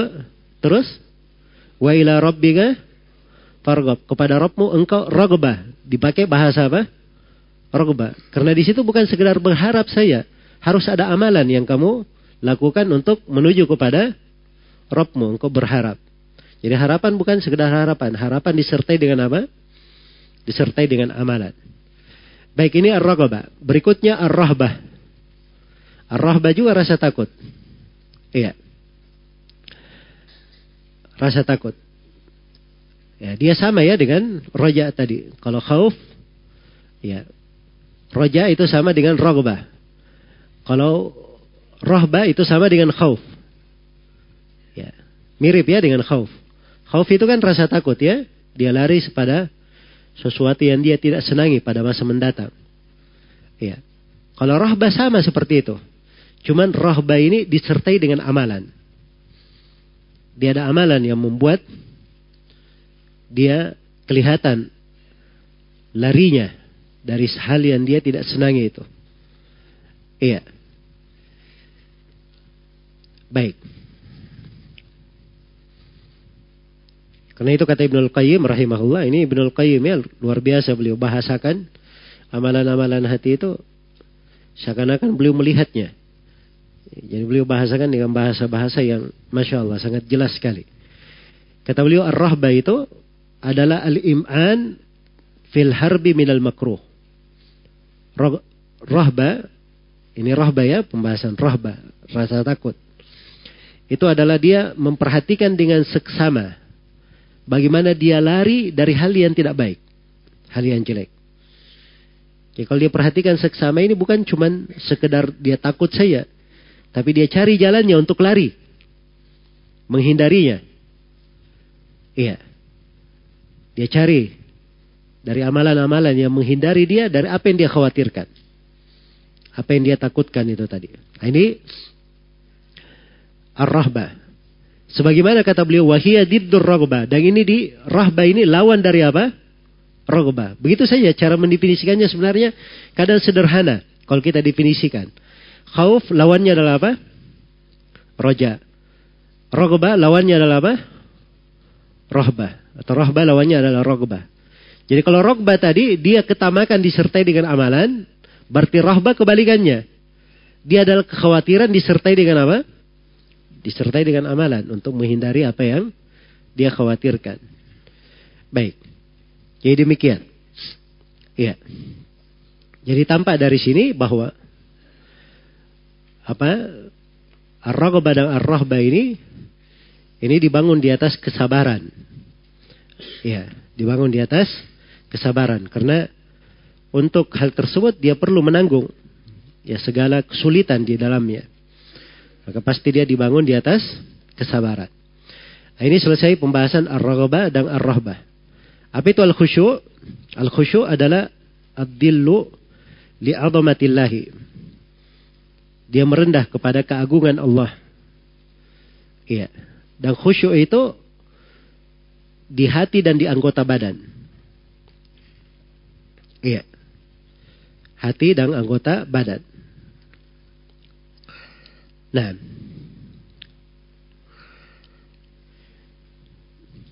Baik. Jadi ini terkait dengan khusyuk. Dia ada ketundukan kepada Allah. ketundukan kepada Allah, dia tenang, tumak nina. Nah, tenang dan tumak ninanya itu dengan hati dan dengan apa? Anggota badannya. Memang asalnya di hati. Tapi kelihatan buahnya di mana? Di anggota badannya. Kelihatan buahnya di anggota badannya. Iya. Ya kalau dia khusyuk hatinya itu kelihatan di anggota badannya. Baik, jadi ini yang disebut dengan khusyuk. Nah, ini tiga jenis ibadah. Ragba, rahba dan apa? Dan khusyuk. Apa dalilnya bahwa tiga hal ini adalah ibadah? Kata penulis rahimahullahu taala, wa dalilur ragbati wal rahbati wal khusyu'i qauluhu taala, innahum kanu yusari'una fil khairati wa rahaba wa kanu lana khashiin. Dalil ragba, rahba dan khusyuk adalah firman Allah taala, innahum kanu yusari'una fil khairat. Sesungguhnya mereka Ya mereka ini siapa? Nah, ini ayat di surah Al-Anbiya ya. Kalau kita buka ayat ini di surah Al-Anbiya itu pertama-tama ya dijelaskan tentang Nabi Muhammad sallallahu alaihi wasallam beberapa perkara terkait dengan Nabi Muhammad. Setelah itu disinggung Nabi Musa dan Nabi Harun. Setelah itu datang penyebutan Nabi Ibrahim. Kemudian disebutkan bahwa Nabi Ibrahim itu diberi keturunan Nabi Ishak dan Nabi apa namanya Yakub. Kemudian disinggung setelahnya Nabi Lot. Dan ada Nabi Nuh. Setelah itu Nabi Daud dan Nabi Sulaiman. Setelah itu Nabi Ayub. Kemudian disebutkan tiga Nabi. Nabi Ismail. Uh, apa namanya? Ada tiga Nabi disebut. Setelah itu Nabi Yunus. Ya, setelah Nabi Yunus disebut Nabi Zakaria dan Nabi Yahya. Nah, setelah itu datang ayat ini. Innahum kanu yusari'una fil khairat. Sungguhnya mereka ini bersegera di dalam apa? Kebaikan. Maksudnya para nabi. Atau mungkin yang diinginkan Nabi Zakaria, Nabi Yahya dan istrinya. Karena ayat ini. Jadi ada dua kemungkinan. Yang jelas di atas dua kemungkinan ini, ini penggambaran bagaimana ibadahnya para nabi atau orang-orang yang salih. Bagaimana mereka itu? Innahum kanu yusari'una fil khairat. Mereka adalah orang-orang yang bersegera di dalam apa? Kebaikan. Nah, ini kalau bersegera itu menunjukkan cinta ya, menunjukkan mahabbah. Ini tadi yang penggabungan itu, cinta, takut dan apa? Harapan. Biasanya seorang itu kalau bersegera seperti itu ya, kecintaan, kerinduan. Kalau cintanya besar kepada suatu, biasanya dia ingin segera berjumpa dengannya, selalu berada di dekatnya. Nah, ini kan bahasa untuk kecintaan. Mereka ini orang yang bersegera kepada kebaikan. Dan mereka beribadah kepada kami dengan raghaban, penuh rasa harapan, wa dan penuh rasa takut. Jadi kelihatan harapannya, rasa takutnya, tapi disertai dengan amalan. Akan hal tersebut. Wa kanu. Dan mereka ini adalah orang-orang yang khusyuk kepada kami.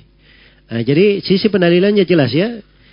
Mereka ini dipuji oleh Allah yang beribadah dengan raghabah, rahbah dan khusyuk dipuji oleh Allah. Jadi kalau dipuji oleh Allah berarti itu adalah hal yang dicintai dan diridhai oleh Allah. Ya, kalau sudah dicintai dan diridhai oleh Allah berarti tiga hal ini adalah apa?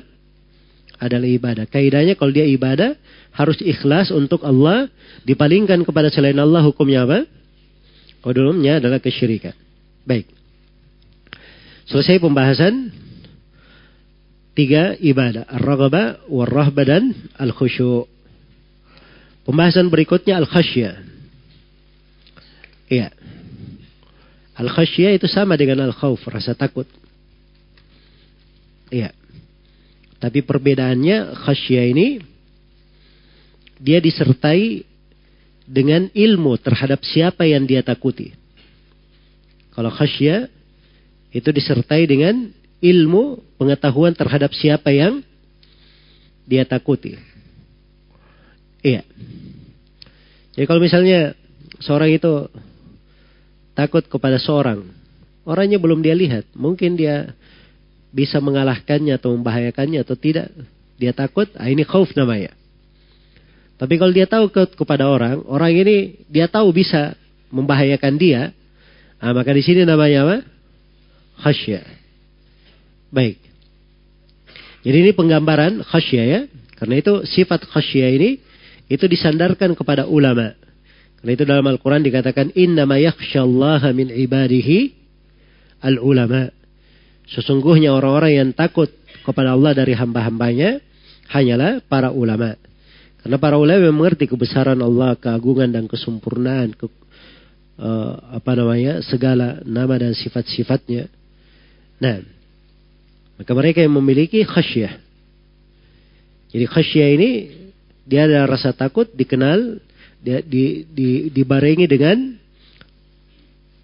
pengetahuan terhadap siapa yang dia takuti. Iya. Baik. Khasyah sama dengan khauf, sama-sama mengandung roja. Ya, saya sudah terangkan ya, kalau ada khasyah, ada khauf, yang tidak ada harapannya, nah itu berarti nggak bagus. Kalau tidak ada harapannya itu namanya putus asa. Ya. Sebagaimana kalau ada roja, tidak ada rasa takutnya, ini namanya orang yang magrur.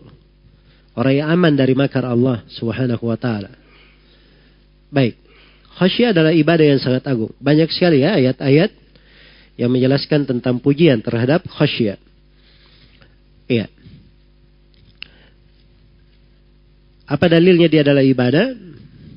Nah, ini pembahasan yang kedua, tafsir ayat surah Al-Baqarah yang dibawakan oleh penulis.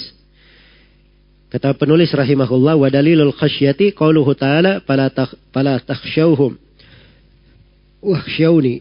Dalil khasyah adalah firman Allah Ta'ala, maka janganlah kalian takut kepada mereka, tetapi takutlah kepada aku saja. Iya. Jadi ada dua sisi pendalilannya.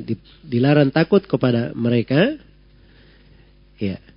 Dilarang takut kepada mereka. Orang-orang yang tidak layak ditakuti itu. Waksyauni dan diperintah takut kepada Allah semata. Jadi ketika diperintah untuk takut kepada Allah. Menunjukkan bahwa Allah cinta khasyah ini.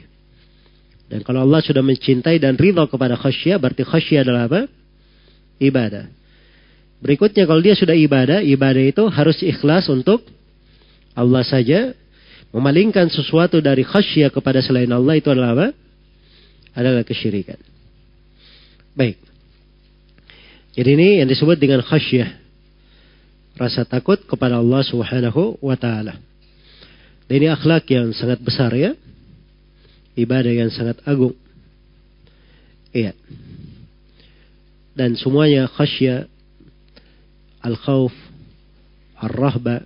Nah, ini semuanya ada sebab-sebab yang menyebabkan bisa munculnya rasa takut itu kepada Allah Subhanahu wa taala. Baik, berikutnya adalah al-inabah.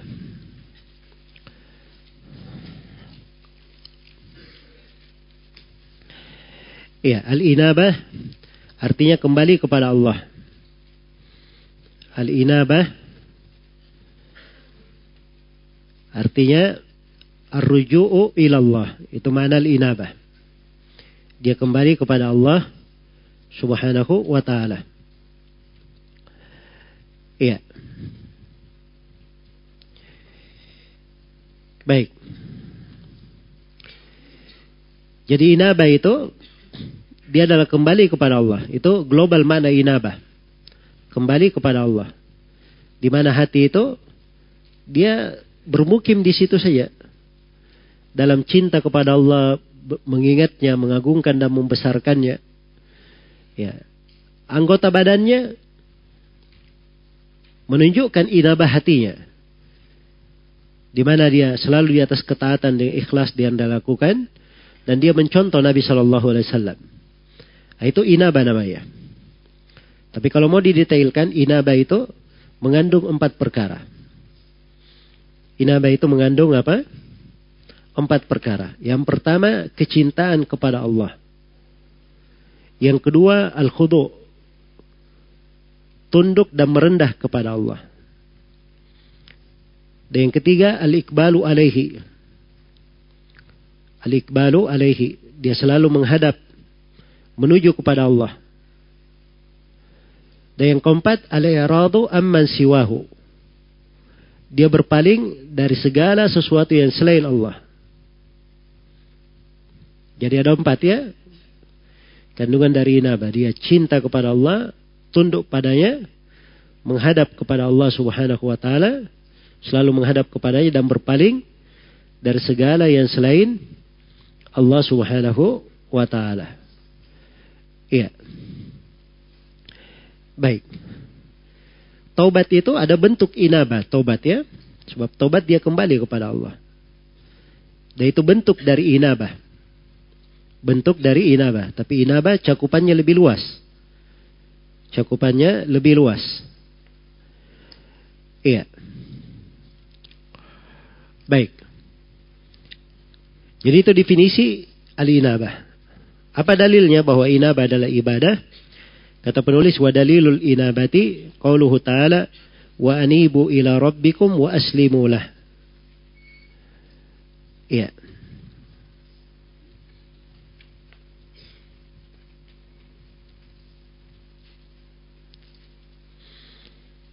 Wa anibu ila rabbikum dan kembalilah kalian berinabahlah kalian kepada Rabb kalian wa aslimu lah dan berserah dirilah kepadanya. Iya.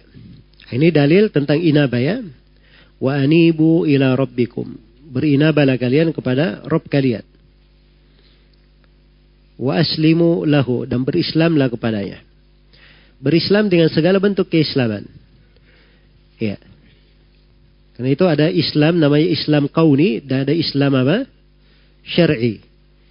Islam kauni itu adalah ketundukan pada setiap ketentuan Allah Subhanahu wa taala. Ya, dan syar'i adalah ketundukan terhadap syariat Allah. Jadi seorang berserah diri kepada Allah. Dan ini dua kaidah agung di dalam apa? Di dalam ibadah, di dalam penghambaan.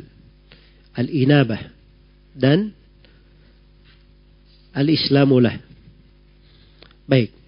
Jadi ketika Allah perintah wa anibu ila rabbikum berinabalah. Uh, perintah itu menunjukkan bahwa Allah cinta kepada hal tersebut. Sesuatu kalau dicintai oleh Allah berarti itu adalah apa? Adalah ibadah. Dan dia kalau sudah ibadah, kaidah ibadah bagaimana? Harus ikhlas hanya untuk Allah. Menyerahkannya kepada selain Allah adalah apa? Adalah kesyirikan. Selesai al-inabah. Kita berpindah ke pembahasan berikutnya al-isti'anah. Al-isti'anah artinya apa? Tolabul aun. Meminta apa namanya? pertolongan, meminta bantuan. Iya. Meminta bantuan. Itu al-isti'ana. Al-isti'ana ini jadi kalau dari sisi bahasa tolabul aun. Tapi di dalam isti'ana kepada Allah itu mengandung tiga perkara. Mengandung tiga perkara. Yang pertama kesempurnaan penghinaan diri kepada Allah. Yang kedua, as-siqatu billahi, dia percaya kepada Allah. Dan yang ketiga, al-i'timadu alaihi, dia bersandar kepada Allah. Jadi ada tiga. Kesempurnaan penghinaan diri kepadanya, as percaya kepada Allah, dan yang ketiga adalah bersandar kepadanya. Nah, maka siapa yang memenuhi tiga hal ini, itulah yang disebut dengan isti'anah. Memohon pertolongan, memohon bantuan dari Allah subhanahu wa ta'ala. Iya. Baik. Itu di ayat iyyaka na'budu wa iyyaka apa? Nasta'in. Nah, ini akan disebutkan oleh penulis ya. Ini ayat penjelasan tentang dalil isti'anah. Kita baca ya, kata penulis wa dalilul isti'anati qauluhu ta'ala iyyaka na'budu wa iyyaka nasta'in. Dalil isti'anah adalah firman Allah taala iyyaka na'budu wa iyyaka nasta'in. Ya, ini ayat di surah apa? Surah Al-Fatihah. Kata para ulama, seluruh kandungan Al-Qur'an itu kembali kepada surah Al-Fatihah.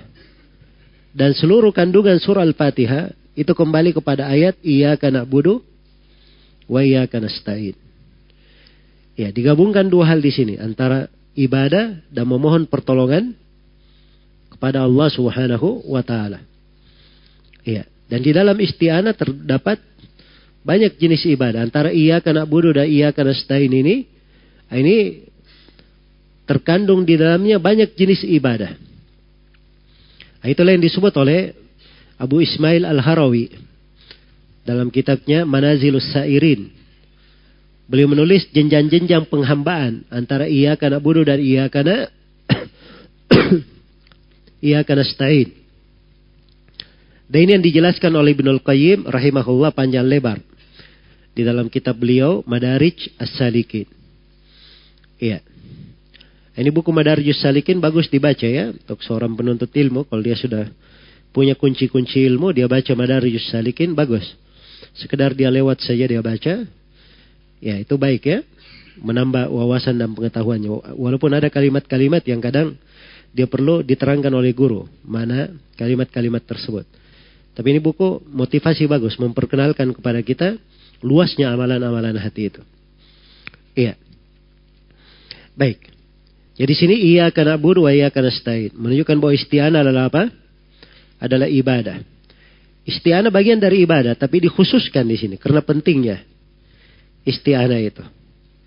Nah, wafil hadithi idastan tafastain billah dan di dalam hadith apabila engkau memohon pertolongan maka mohonlah pertolongan kepada Allah. Kalau mohon bantuan, mohon pertolongan, mohonlah kepada siapa?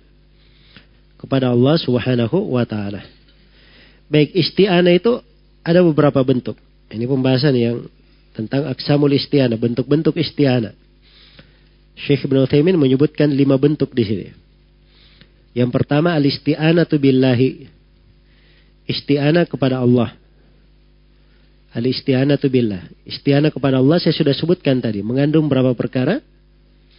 mengandung tiga perkara. Iya. Kesempurnaan penyerahan diri kepada Allah, apa kesempurnaan menghinakan diri kepada Allah. Kemudian yang kedua, percaya kepada Allah dan yang ketiga, bersandar kepadanya. Nah, ini isti'anah yang bersifat ibadah. Isti'anah yang kedua, nah, ini isti'anah yang seperti ini, ini tidak boleh diberikan kepada selain Allah. Kapan diberikan kepada selain Allah, maka itu adalah hukumnya apa? syirik akbar mengeluarkan pelakunya dari keislaman. Iya. Yang kedua, isti'anah kepada makhluk.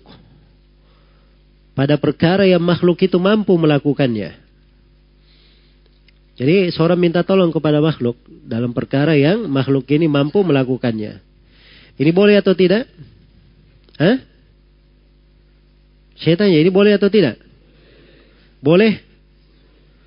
Eh, benar ya kalau bilang boleh. Ini boleh atau tidak? Ya, yang bilang tidak juga salah. Ya. Yang bilang boleh salah, yang bilang tidak juga salah.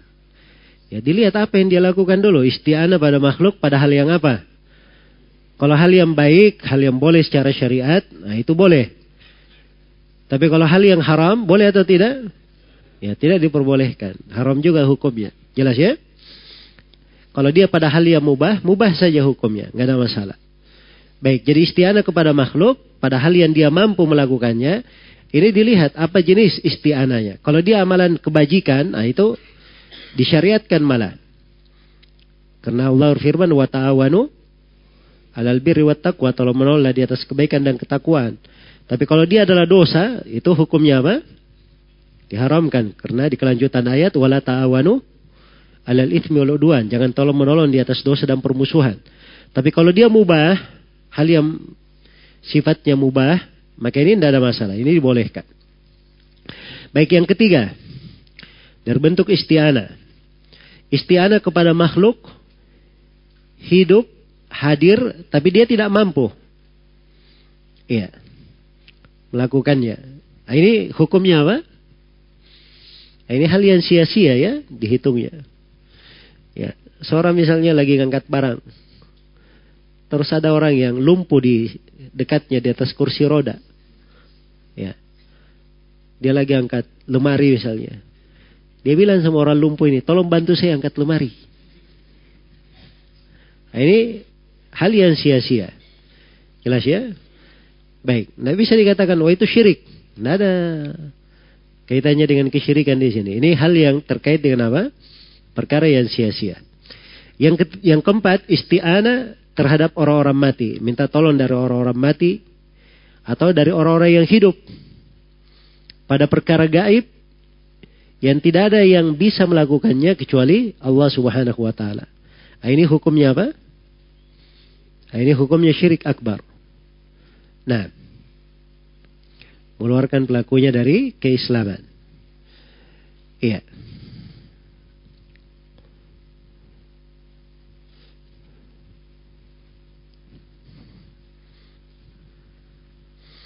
Ya, naudzubillah ya, kesyirikan di masa sekarang ini prakteknya. Ya, kemarin saya dikirimi potongan orang minta-minta di kuburan. Ya. Minta kepada Habib Fulan. Ya, minta uang lembaran halus. Begitu bahasa lembaran-lembaran halus warna merah. Ya. Coba minta kepada penghuni kubur uang-uang halus lembaran apa? Lembaran merah. Ya, ini kesyirikan di masa sekarang ini naudzubillah ya. Dahsyat sekali. Maka menjelaskan hal-hal yang seperti ini penting sekali para seorang yang bertauhid, orang yang mau cari pintu kebaikan di masa ini banyak pintu yang bisa dia tempuh. Ya orang-orang yang seperti ini kasihan orang-orang jahil yang apa namanya ditipu oleh sebagian orang. Ya sebab banyak dari manusia itu senangnya instan-instan saja. Ya. Kamu bikin begini dapat begini. Kalau mau begini, buat begini. Kan begitu, instan sekali ya. Yang gampang, mudah. Kayak Indomie itu kan, mie instan itu. Ya, dimasak, makan, langsung jadi. Ya. Dia kadang nggak mau berpikir hal-hal yang jauh, yang panjang. Padahal perkara-perkara yang mereka lakukan, kadang jatuh dalam kesyirikan. Nasallallahu Ya. Baik, kemudian yang kelima di sini, Syekh terangkan isti'anah dengan amalan atau hal-hal yang dicintai oleh Allah Subhanahu wa taala. Nah, ini kata beliau disyariatkan. Karena dalam Al-Qur'an dikatakan wasta'inu bis sabri was salah. Mintalah pertolongan dengan kesabaran dan apa? Salat. Jadi ista'inu bis sabri was salah. Ambil pertolongan dengan kesabaran dan apa? Salat. Ini dua amalan solih. Iya. Sabar dan apa? Salat ambil istianah dan ini disyariatkan hal yang diperbolehkan. Baik. Jadi ini jenis-jenis istianah. Berikutnya adalah tentang apa? Al-isti'adah. Ya tiga pembahasan di al-isti'anah sudah kita kaji semua ya. Tarif al-isti'anah, aksamul isti'anah, tafsir ayat al-fatihah wa syarhil hadith fihi ma al-isti'anah ibadah. Tafsir ayat surah al-fatihah sudah kita jelaskan juga penjelasan hadit ya hadit yang disebutkan oleh penulis ini hadit Ibnu Abbas ya dari hadit-hadit Arba'in Nawawi ya. Di dalam hadit terdapat penjelasan bahwa isti'anah adalah apa? Adalah ibadah. Jadi kalau dia isti'anah adalah ibadah, kaidahnya ibadah itu harus apa? Ikhlas hanya untuk Allah, menyerahkannya kepada selain Allah adalah apa? Adalah kesyirikan. Berikutnya, al-isti'adah. Al-isti'adah artinya talabul al-aud. Iya. Al-istiada adalah talabul i'ada, meminta perlindungan. Memohon perlindungan. Iya. Jadi istiada ini dia berlindung pada sesuatu yang tidak menyenangkannya. Hal yang apa namanya dia khawatirkan. Iya. Baik. Jadi istiada itu kalau dikatakan al istiada kepada Allah itu tercakup di dalamnya empat perkara. Yang pertama dia berlindung kepada Allah. Kemudian yang kedua dia iktisam terhadapnya berpegang teguh dengan Allah. Kemudian yang ketiga, dia meyakini bahwa Allah akan mencukupinya.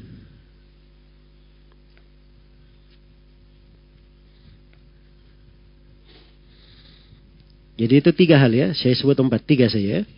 Ada tiga. Iltija, al-ittisam, wat taharruz. Ada tiga.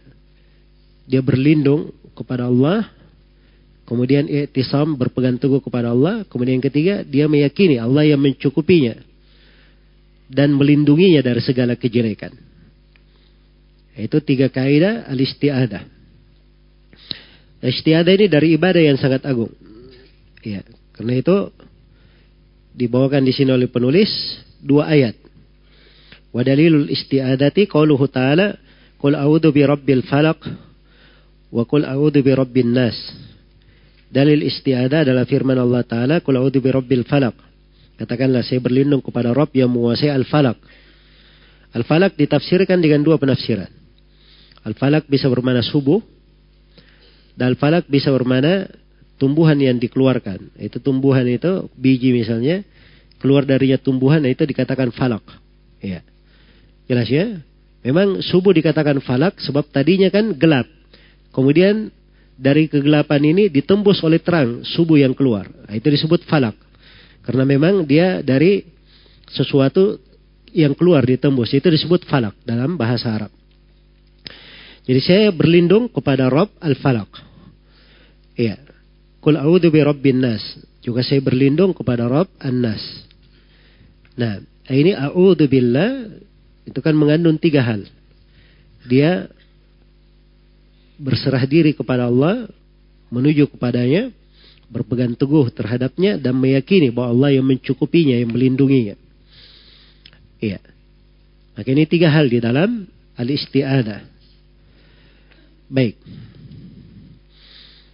Dan tafsir dari dua ayat ini ini ada pembahasan lain ya karena surah Al-Falaq itu dan surah An-Nas ini dua surah yang agung. Ya. Ini dari surah-surah yang patut kita pelajari tafsirnya. Kita ada materi ya di sini di kurikulum kita. Kita ada materi tafsir surah-surah pendek. Dari surah Duha sampai surah An-Nas. Al-Fatihah, surah Duha sampai surah An-Nas. Itu tafsir perlu dipelajari tafsirnya. Supaya kita kenal ayat-ayat surah-surah yang biasa kita apa? Kita baca. Iya. Baik itu ada di kurikulum kita. Insya Allah Ta'ala akan datang nanti pembahasannya setelah pelajaran buku-buku Tauhid ini. Baik. Istiada kepada Allah Subhanahu wa taala itu oleh Syekh Ibn Uthaymin dibagi menjadi empat.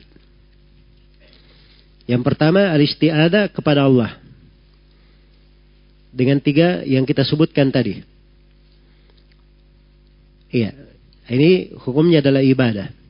Dan kalau dia ibadah, ibadah itu tidak boleh diserahkan kecuali hanya kepada Allah subhanahu wa ta'ala saya. Baik yang kedua,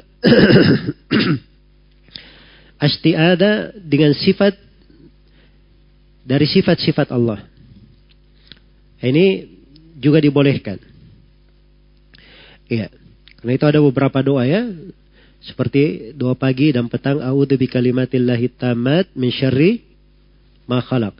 Ini berlindung dengan kalimat-kalimat. Kalimat kan sifat Allah. Ya, doa pagi dan petang juga wa a'udhu bi an ugtala Minta hati saya berlindung dengan keagunganmu. Ya Allah. Demikian pula doa kalau orang sakit. Ya, ada sakit misalnya di badan atau di mana. Itu kan diperintah oleh Nabi. Ya, membaca apa namanya. Bismillah tiga kali. Kemudian dibaca tujuh kali. A'udhu billahi wa kudratihi min syarri ma ajidu wa uhadiru. Nah, di situ wa kudratihi berlindung dengan kemampuan Allah.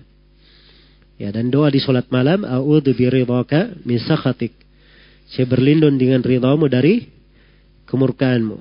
Berlindung dengan sifat Allah, isti'adah dengan sifat Allah, itu boleh saja. Hal yang diperbolehkan. Ini jenis yang kedua. Jenis yang ketiga dari isti'adah, isti'adah dengan orang-orang mati. Atau orang yang hidup tapi tidak hadir dan tidak mampu. Maka ini masuk ke dalam kesyirikan. Masuk di dalam syirik akbar yang telah kita sebutkan. Ya. Karena itu dicela orang-orang yang para jin apa uh, para manusia yang berlindung dari jin. Wa annahu kana rijalun minal insi ya'uduna bi rijalin minal jinni fazaduhum rahaqa. Dan sekelompok dari laki-laki manusia mereka istiada kepada sekelompok laki-laki dari jin. Maka mereka bertambah rahaqa. Ya, bertambah kesewenang-wenangan. Baik. Kemudian yang keempat dari istiada, ya, adalah berlindung dari sesuatu yang makhluk itu mampu melakukannya. Iya. Tadi berlindung pada tempat yang di situ dia bisa dapat perlindungan. Maka ini boleh saja, nggak ada masalah. Ini tidak dipermasalahkan. Kalau dia mampu, nggak ada masalah.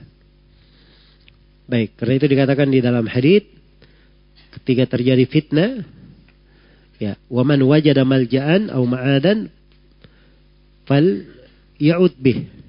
Siapa yang mendapatkan tempat berlindung atau tempat apa namanya uh, dia terjaga di situ, maka hendaknya dia berlindung padanya. Nah, maka hal yang seperti ini tidak ada masalah. Sebab ini masuk di dalam hal yang memungkinkan. Hal yang memungkinkan. Baik, jadi ini empat pembagian apa? Istiadah. Kemudian berikutnya al-istighatha. Iya. Dan ini yang ke-12 ya, dari jenis ibadah yang disebut oleh penulis. Al-istighatha. Ya, al-istighatha itu adalah tolabul gauth. Tolabul gauth. Ya, adalah meminta supaya dihindarkan dari kesusahan. Ya, diselamatkan dari bahaya diselamatkan dari bahaya. Itu al-gauth namanya. Iya. Baik. Perbedaan antara doa dan istighatha. Kalau istighatha itu dia berlindung dari hal yang sifatnya makruh. Sesuatu yang apa sudah membahayakannya. Ya, kalau doa itu dia meminta umum ya kalau doa. Baik. Itu perbedaan doa dengan istighatha. Berikutnya, apa perbedaan antara istighatha dan isti'adah? Iya. Kalau isti'adah tadi, isti'adah itu dia memohon perlindungan supaya dijaga dari hal yang jelek, dibentengi, ditamengi, supaya terpelihara, tidak didekati oleh kejelekan. Kalau istighatha, istighatha itu dia sudah kena musibah, kena bahaya. Dia minta kepada Allah supaya dibantu menghilangkan bahaya ini. Itu istighatha namanya. Jadi istighatha itu permohonan supaya menghilangkan bahaya yang telah menimpanya. Iya. Baik. Jadi mungkin istighatha itu cocok dibahasakan dengan memohon pertolongan. Sebab pertolongan itu sifatnya diberikan pada orang yang sudah kena apa? Bahaya. Kalau orang yang belum kena bahaya itu disebut perlindungan. Nah, itu kita sebut tadi bahasa memohon apa? Perlindungan. Itu untuk mendekatkan ya, bagaimana memahami. Sebab bahasa Indonesia ini kan rumit juga ya, menafsirkan kalimat-kalimat dalam apa? Bahasa Arab. Baik. Jadi itu yang disebut dengan istighatha. Ya, istighatha itu mengandung dua hal. Ada dua hal yang dia kandung. Yang pertama, kesempurnaan kefakiran kepada Allah. Dia betul-betul fakir kepada Robnya. Dan yang kedua, dia meyakini bahwa Allah yang mencukupinya. Iya, nah ini dua kandungan dari apa? Al-istighatha. Dia betul-betul sempurna kefakirannya kepada Allah. Dan yang kedua, dia meyakini bahwa Allah subhanahu wa ta'ala yang mencukupinya. Iya. Apa dalil tentang istighatha? Ini kita langsung ke pembahasan ketiga ya, sebelum kita uraikan bentuk-bentuk istighatha. Kata penulis rahimahullah wa dalilul istighatsati qauluhu ta'ala ittastagithuna rabbakum fastajaba lakum. Dalil istighatha adalah firman Allah taala, ingatlah ketika kalian memohon pertolongan kepada Rob kalian. Lalu diperkenankan diijabah apa yang kalian minta itu. Nah, Ini ayat di surah apa ini? Di surah Al-Anfal. Ingatlah nikmat Allah kepada kalian. Ketika kalian, wahai umat Islam, telah berjumpa dengan musuh kalian. Maka waktu itu, tastagithuna rabbakum. Kalian memohon gauth, pertolongan kepada Rob kalian. Ini memang kejadian ini di surah Al-Anfal itu sudah terjadi bertemu dua pasukan. Eh? Sudah bertemu apa? Dua pasukan. Jadi bahayanya itu sudah ada. Karena itu bahasanya bahasa istighatha yang dipakai. Jelas ya? Ya. Istighatha. Ini sering kita dengar bahasa-bahasa istighatha umum ya. Ya, bikin acara istighatha, kumpul-kumpul di mana begitu. Ya. Dan kadang dia tidak paham apa istighatha itu. Ya. Jelas ya, mungkin kadang dia uh, yang dia minta mungkin hal yang sudah menimpa umat diminta untuk di ini, betul itu masuk ke istighatha. Tapi kadang ada hal-hal yang dikhawatirkan, ditakutkan, itu cocoknya bukan istighatha di situ namanya. Iya. Jelas ya? Maksudnya di pembahasan istiada. Baik.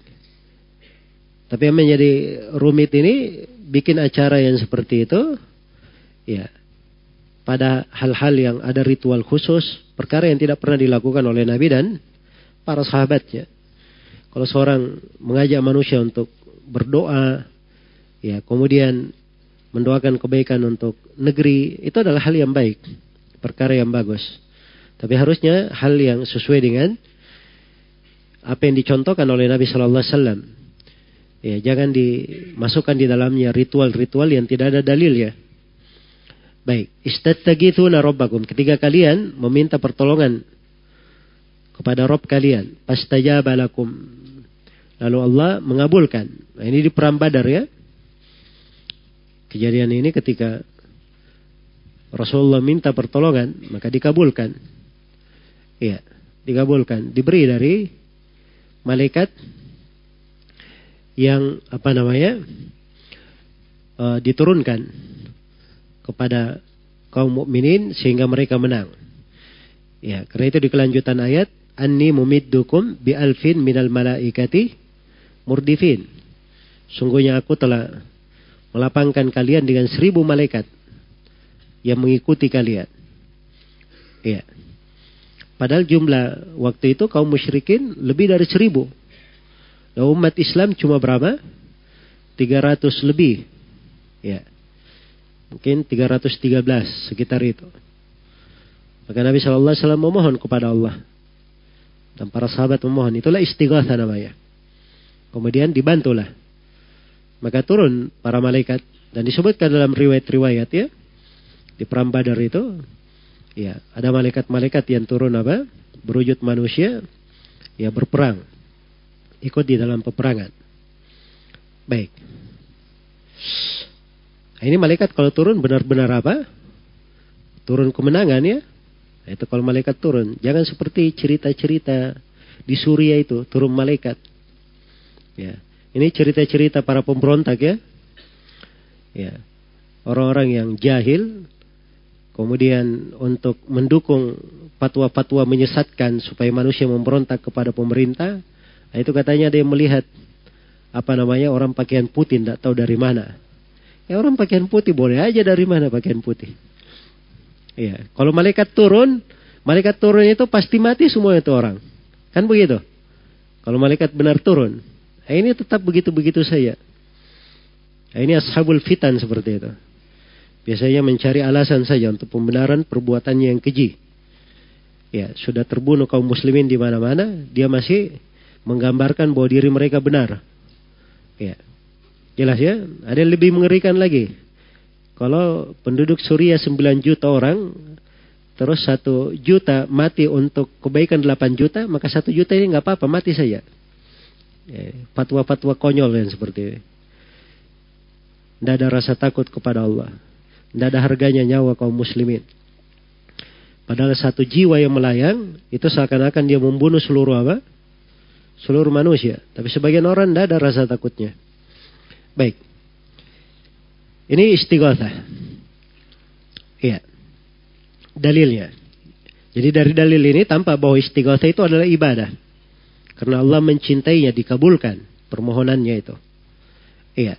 Berarti dia adalah ibadah, hanya diberikan kepada Allah. Dan kaidahnya kalau istighatsah adalah ibadah, harus ikhlas hanya untuk Allah, memalingkannya kepada selain Allah hukumnya apa? Syirik akbar. Istighatsah itu ada beberapa bentuk. Disebutkan oleh Syekh Ibn Uthaymin di sini, rahimahullah taala ada empat bentuk istighatha. Yang pertama istighatha kepada Allah. Inilah yang kita terangkan tadi ya. Yang dijelaskan oleh penulis di sini. Istighatha yang bersifat ibadah. Istighatha yang kedua, istighatha kepada orang-orang mati. Atau kepada orang-orang yang hidup tapi tidak hadir di situ, tidak mampu. Maka ini dari syirik akbar. Iya. Kemudian yang ketiga, adalah istighatha kepada orang yang hidup. Hadir dan dia mampu untuk itu. Iya, ini boleh ya karena Nabi Musa alaihi salam disebutkan dalam Al-Qur'an fastaghathahu alladhi min syi'atihi 'ala alladhi min aduwihi. Fawakazahu Musa faqadha alaihi. Maka Nabi Musa beristighatsah atau apa namanya e, kaum dari Nabi Musa ini beristighatsah kepada Nabi Musa agar supaya menyelamatkan dia dari musuhnya. Maka Nabi Musa pun meninjau ya, pengikut Firaun ini yang mengganggu Bani Israel tadi, faqada alaihi, maka matilah orang tersebut. Nah, ini di kisahnya ya di surah Al-Qasas. Jadi istighatsah itu kalau dia terhadap makhluk hidup mampu, ini hukumnya apa? Boleh. Ya. Ingat ya, hidup, makhluk hidup, dia hadir dan dia mampu. Ini tiga syarat. Itu dibolehkan.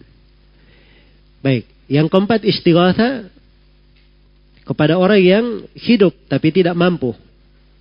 Iya. Tidak mampu. Ini tadi sudah kita katakan ya bahwa ini masuk ke dalam bentuk apa? Sia-sia. Nah, tapi kalau misalnya dia bilang dia lihat orang lumpuh tadi, dia sudah mau tenggelam ya. Ya, dia sudah tenggelam. Ada orang apa namanya?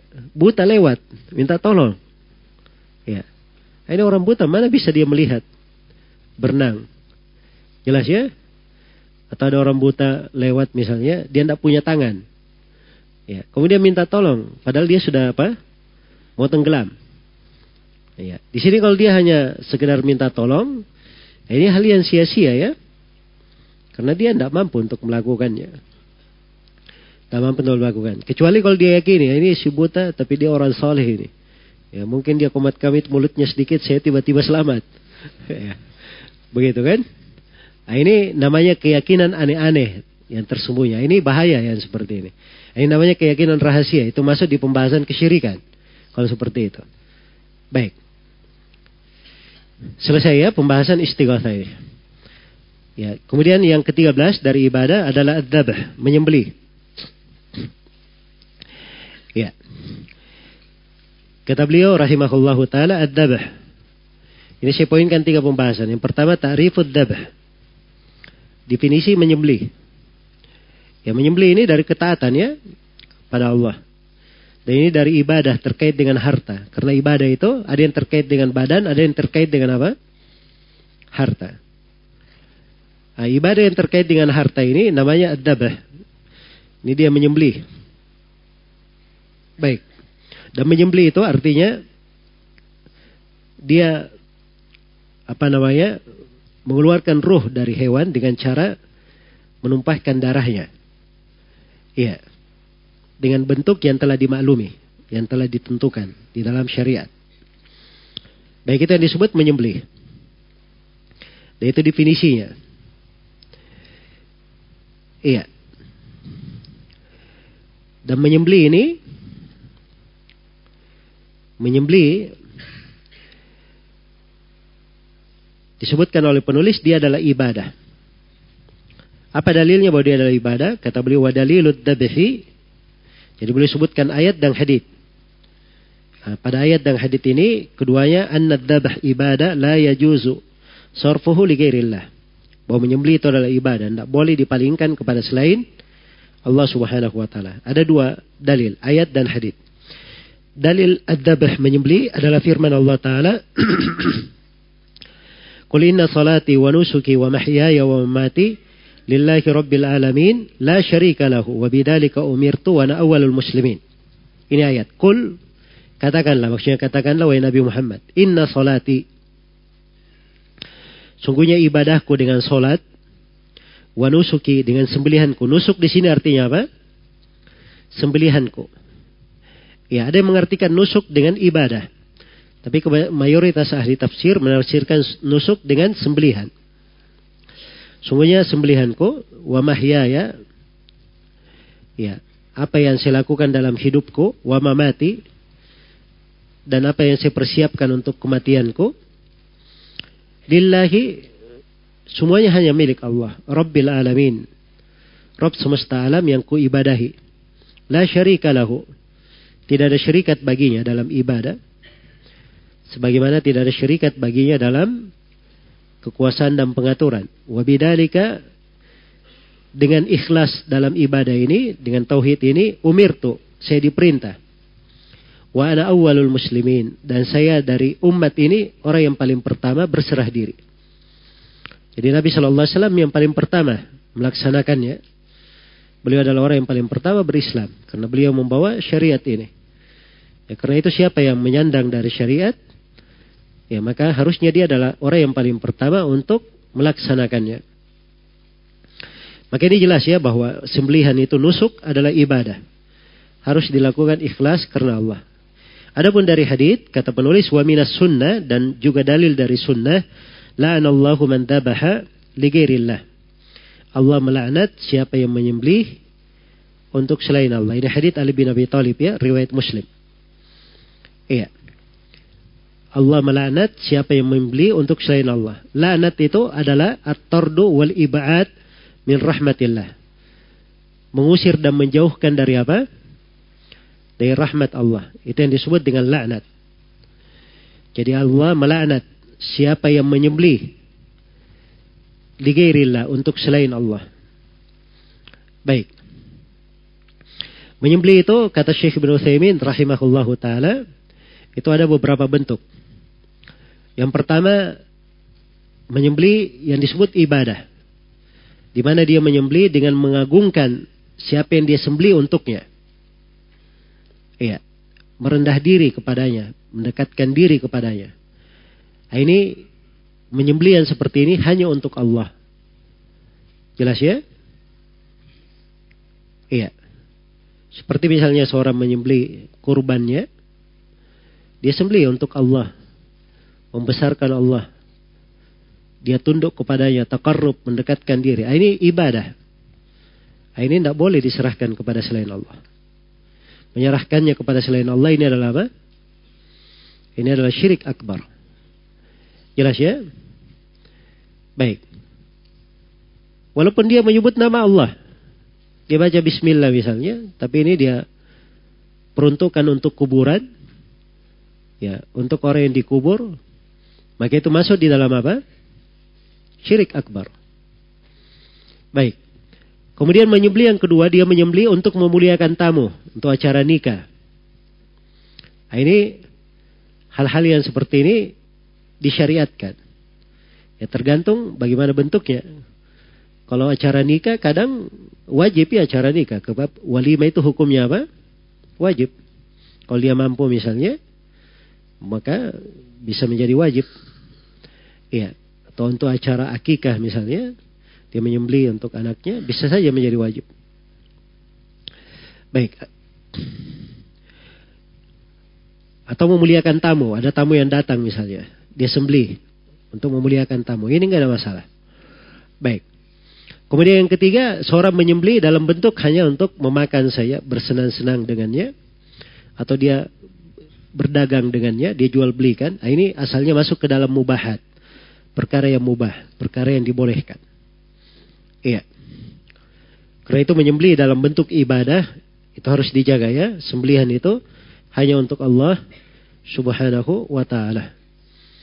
Baik, yang terakhir.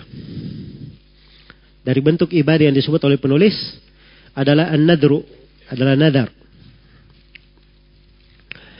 Iya. Nadar itu apa definisinya? Saya poinkan tiga masalah ya. Tarifun nadar. Yang pertama definisi nadar. Iya. Apa definisi nadar? Nadar itu adalah ijabul mukallaf ala nafsihi ma laysa wajiban alaihi bi asli syara' Nadar itu adalah seorang mukallaf mewajibkan sesuatu atas dirinya. Sesuatu ini asalnya dalam syariat bukan wajib terhadapnya. Asalnya. Tidak wajib. Misalnya dia bernadar untuk etikaf di masjid satu hari. Asal etikaf tidak diwajibkan baginya. Tapi dia wajibkan etikaf terhadap dirinya. Ini disebut apa? Nadar. Atau dia nadar untuk berpuasa tiga hari. Asalnya tidak ada, syari, tidak ada kewajiban dia berpuasa. Dikatakan wajib puasa tiga hari itu tidak ada. Dari asal syariat. Tapi karena dia wajibkan puasa atas dirinya, maka ini disebut sebagai apa? Sebagai nadar. Iya. Baik. Jadi ini yang dimaksud dengan nadar. Jadi nadar ini ingin diterangkan oleh penulis di sini bahwa nadar itu adalah apa? Ibadah. Jadi kalau dia nadar adalah ibadah, ibadah tidak boleh diserahkan kepada selain Allah. Apa dalilnya nadar adalah ibadah? Kata beliau, wa dalilun nadri, qauluhu ta'ala yufuna bin nadri wa yakhafuna yawman kana syarruhu mustatira. Mereka menunaikan nadar. Ya, jadi dipuji di sini. Mereka menunaikan nadar. Nah ini menunjukkan bahwa orang yang menunaikan nadarnya itu dipuji oleh Allah. Dan itu ibadah. Berarti nadar itu ibadah. Kalau dia ibadah, kaidah ibadah, ibadah harus ikhlas untuk Allah. Memalingkannya kepada selain Allah hukumnya apa? Adalah syirik akbar. Wa yakhafuna yawman kana syarruhu mustatir. Dan mereka takut suatu hari. Maksudnya di hari kiamat. Yang siksaannya merata di mana-mana. Nasallallahu alaihi Baik. Ini tafsir ayat surah Al-Insan ya. Dan ini menunjukkan bahwa nadar itu adalah ibadah. Nah, nadar itu ada beberapa bentuk. Ya. Ini aksam an-nadar. Baik. Jadi kalau kita berbicara tentang nadar itu, apa yang disebut ibadah, itu tadi nadar yang disebut ibadah. Hanya saja seseorang itu maksud ketika dia menadarkan Nah, ini ada yang dibahas oleh para ulama. Apakah di situ dikatakan makruh atau dianjurkan? Jadi kalau dia nadar tanpa mukabil, ada nadar dengan muka, uh, nadar tanpa mukabil dan dengan mukabil. Jadi ada dua ya, ada nadarnya tanpa dia minta balasan. Dan ada nadar karena diharapkan suatu balasan. Ya tanpa balasan misalnya dia sekarang duduk, saya ingin apa namanya uh, mengharuskan diri saya puasa tiga hari. Dia bernadar lillahi karena Allah puasa tiga hari. Maka ini nadar nggak ada apa-apa ya ini bagus ibadah. Tapi kalau dia minta misalnya apabila saya uh, kembali dari perjalanan selamat, maka saya akan nadar tiga hari. Apabila anak saya lulus ujian, maka saya akan puasa Senin Kamis selama satu bulan misalnya. Hah? Maka ini nadar ada sebabnya. Dia meminta. Nah, inilah yang dikatakan oleh Nabi, Inna yustakhraju minal bakhil. Itu yang dikeluarkan dari kebakilan. Dan itu yang dikatakan oleh Nabi, itu layak tibi khair, tidak mendatangkan kebaikan. Ya, tidak mendatangkan kebaikan. Dan sebagian ulama dia mengharamkan nadar yang seperti ini. Ya, dari sisi hukumnya itu diharamkan. Tapi kalau dia sudah terlanjur nadar, nah, kalau terlanjur itu artinya dia sudah mengajibkan dirinya. Si siapa yang dia nadar, nadarkan, kalau nadarnya taat, wajib dia lakukan nadarnya. Kalau nadarnya maksiat, maka tidak boleh dia kerjakan. Jelas ya? Maka ini pembagian-pembagian nadar dan bentuk-bentuknya. Baik, wallahu taala alam. Selesai ya pembahasan bentuk-bentuk ibadah dan dengan ini kita selesai pembahasan yang pertama tentang mengenal Allah Subhanahu wa taala. Dan dari kesimpulan pembahasan mengenal Allah itu ya sebagaimana yang telah diuraikan oleh penulis, itu pembahasan-pembahasannya jelas. Iya. Dan manusia di dalam hal ini bertingkat-tingkat sesuai dengan kadar upayanya di dalam berilmu dan mengamalkan. Dalam kadar upayanya dalam berilmu dan mengamalkannya. Ya karena itulah yang harusnya selalu dipegang oleh para penuntut ilmu, dia selalu memperdalam bagaimana dia mengenal Allah. Semakin dalam dia mengenalnya, maka itu akan semakin kuat ya kebaikannya dan harapan dia diselamatkan pada hal-hal yang mengkhawatirkan itu di sakaratul maut di alam kubur dan tatkala menghadap kepada Allah Subhanahu wa taala. Ya wallahu taala alam. Baik, kelanjutan materi insyaallah taala kita akan kaji di pertemuan yang akan datang, di doro yang akan datang insyaallah taala. Mudah-mudahan apa yang kita kaji di pertemuan ini ada manfaatnya untuk semuanya. Wallahu taala alam. Subhanakallahumma wa bihamdik asyhadu an la ilaha illa anta astaghfiruka wa atubu ilaik. Walhamdulillahi rabbil alamin. Wassalamualaikum warahmatullahi wabarakatuh. Ada pertanyaan terkait pembahasan? buku yang dikaji. Yang di luar materi tertulis ya. Nggak usah ditanya langsung.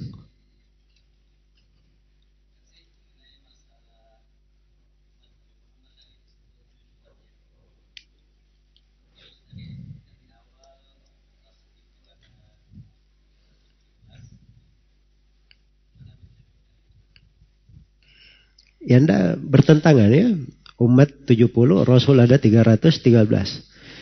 Ya. Bani Israel berapa Rasulnya waktu itu? Hah? Langsung dua, Nabi Musa dan Nabi Harun. Kan begitu? Ada satu umat langsung diutus padanya tiga Rasul. Itu disebut di surah Yasin. Ya, sudah ada dua Rasul, ditambah lagi Rasul ketiga, jadi tiga. Itu di surah Yasin. Jelas ya?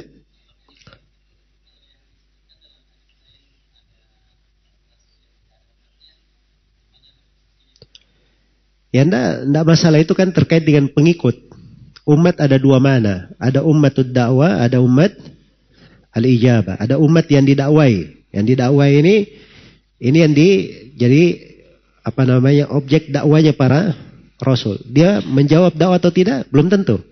Nah, yang disebut di dalam hadits Ibnu Abbas itu riwayat Bukhari Muslim ketika ditampakkan umat-umat kepada Nabi di antara Nabi ada yang tidak ada pengikutnya. Ini kan pengikut bukan umat. Iya. Pengikut. Baik. Ada pertanyaan yang lain?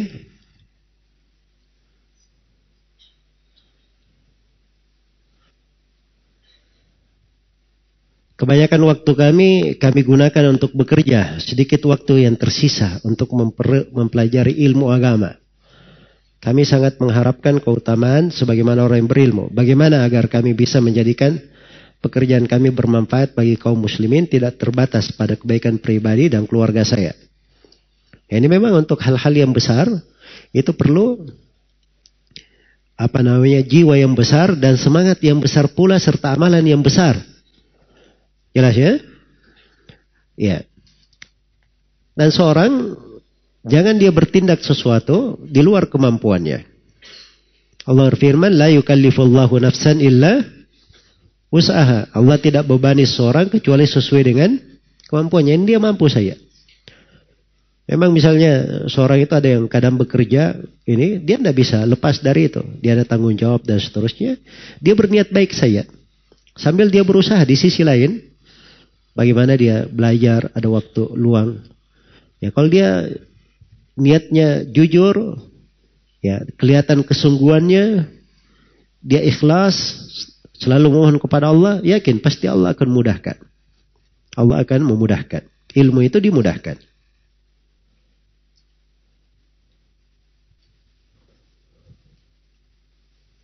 Kadang syaitan membisikkan kepada seorang untuk mengafirkan orang lain. Tapi ragu karena dia belum memiliki ilmu pasti untuk mengafirkan. Kemudian syaitan membisikkan kaidah siapa yang ragu akan kekafiran orang kafir maka dia kafir. Ini dia sudah tahu alasan sebabnya. Sebabnya karena dia tidak memiliki ilmu, makanya belajar baik-baik. Ya. Kalau orang belajar baik-baik, itulah senjata untuk mengusir syaitan. Syaitan itu dia menyerang manusia, itu hanya dua senjatanya, tidak ada yang ketiga. Dia menyerang dari arah syubhat, diberi kerancuan, salah paham dalam memahami agama. Ini arah yang pertama. Dan ini senjata syaitan paling top bagi dia. Paling dia sukai. Paling dia andalkan. Senjata yang kedua namanya serangan dari arah syahwat. Iya. Uh, untuk menghindari serangan syaitan dari arah syubhat, itu obatnya adalah ilmu. Cara menghadapinya dengan ilmu. Menghadapi serangan syaitan dari arah syahwat, itu dengan apa? Dengan kesabaran. Nah, ini dua senjata menghadapi syaitan disebutkan dalam ayat waja'alna minhum a'immata yahduna bi amrina lamma sabaru wa kanu bi ayatina yuqinun kami jadikan mereka para imam para pemimpin di dalam agama yang membawa perkara kami membawa petunjuk dengan perkara kami tatkala mereka bersabar dan tatkala mereka yakin terhadap ayat-ayat kami yakin itu derajat yang tinggi dari ilmu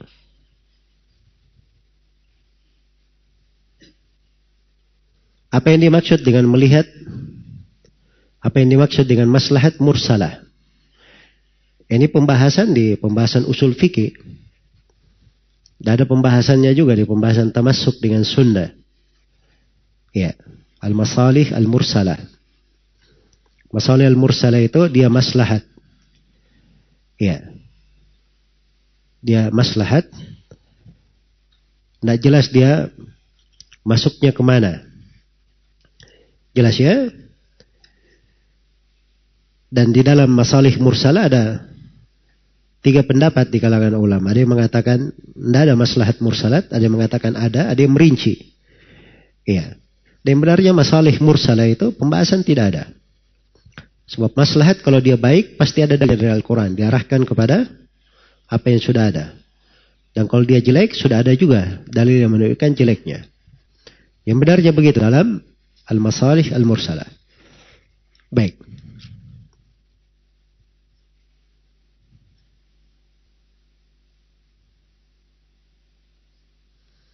Ini tulisannya kecil ya. Masya Allah. Saya eh, agak sulit membacanya.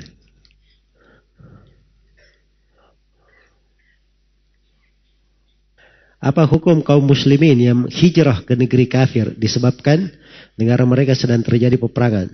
Seperti yang terjadi di Timur Tengah. Itu bukan hijrah namanya. Ya. Itu namanya menyelamatkan diri. Jelas ya? Beda dengan orang menyelamatkan diri dengan hijrah.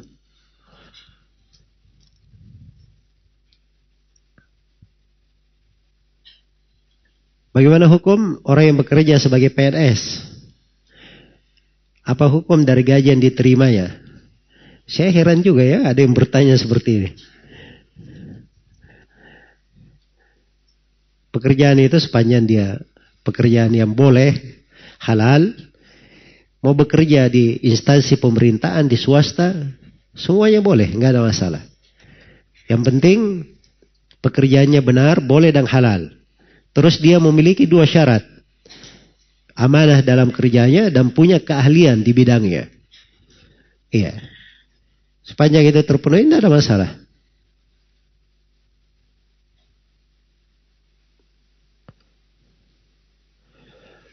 Apakah benar pernyataan yang mengatakan bahwa Islam dikembangkan dan disebarluaskan dengan pedang atau perang pada masa Rasulullah dan para sahabat? Jawabannya ini tidak benar ya. Islam itu disebarluaskan dengan dakwah di jalan Allah. Iya.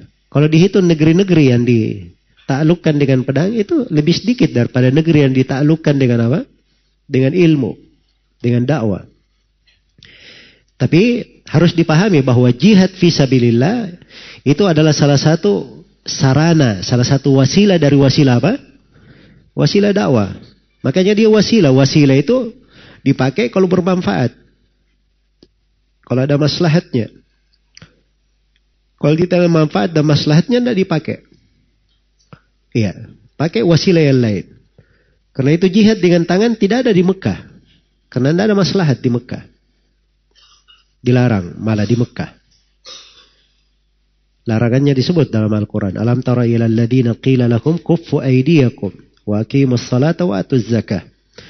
Tidakkah kalian lihat kepada orang yang dikatakan kepada mereka, tahanlah tangan-tangan kalian. Yang ada tegakkan sholat dan keluarkan zakat. Jelas ya? Karena itu dari ekstrim. Kalau mengatakan bahwa jihad itu adalah kewajiban. Ini yang dipegang oleh sebagian anak muda ini. Ada buku yang ditulis oleh Abdullah Azam, itu dia tulis bahwa jihad fardu ain atas setiap kepala muslim. Ini dari pemikiran-pemikiran ekstrim yang merusak banyak generasi muda. Akhirnya jatuh di dalam hal-hal yang tercela.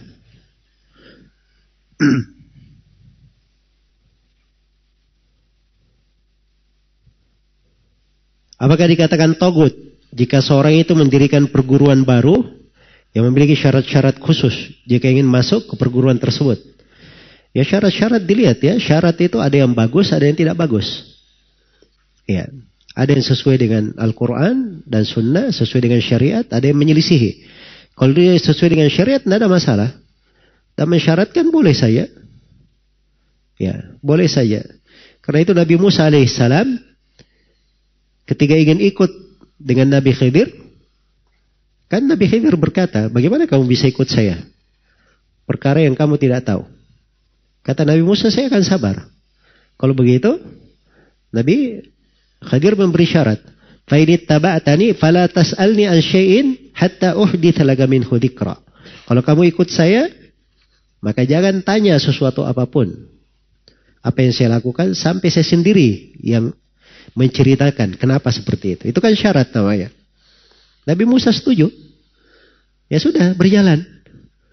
Begitu naik perahu, perahunya dibocor oleh Nabi Khidir. Ya. Nabi Musa, dia hanya melihat zahir saya, tidak tahan langsung bertanya. Ini kita sudah diberi tumpangan gratis di atas perahu. Punya orang-orang miskin. Kamu bocor perahunya, kenapa? Ya.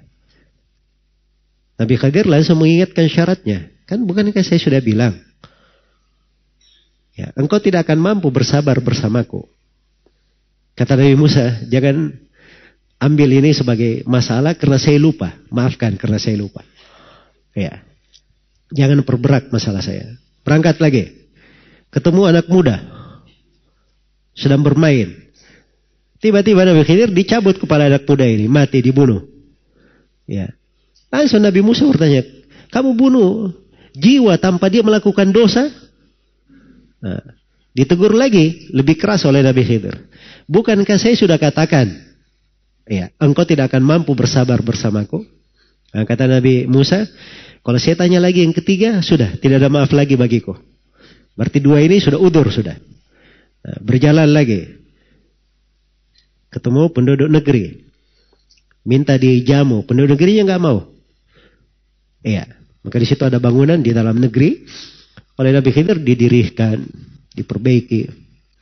Ya, maka Nabi Musa bicara lagi. Ini penduduk negeri keterlaluan. Ya, minta dijamu, mereka tidak jamu, tidak diberi ini. Kita sudah buat bagus di dalam negeri yang kita bangun, tidak diberi apa-apa. Kenapa dibangun? Ah, kata Nabi Khadir, inilah perpisahan antara kami dengan engkau. Nah, ini semua berjalan di atas apa?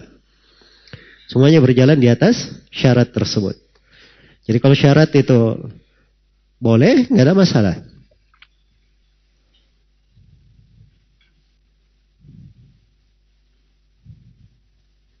Apakah ada dalil atau dalil kalau kita dapati dapat mengetahui empat hari, empat hari lagi akan meninggal? Nggak ada yang tahu bahwa seorang itu akan meninggal. Jadi kalau ada tanda-tanda itu firasat namanya. Firasat. Tapi itu bukan memastikan. Bukan memastikan. Dan firasat itu tergantung siapa yang berfirasat. Ya. Jelas ya? Tergantung siapa yang berfirasat. Kalau dia orang yang di atas kesolehan, ketakwaan, nah ini mungkin firasatnya lebih dekat. Tapi nggak ada yang dipastikan.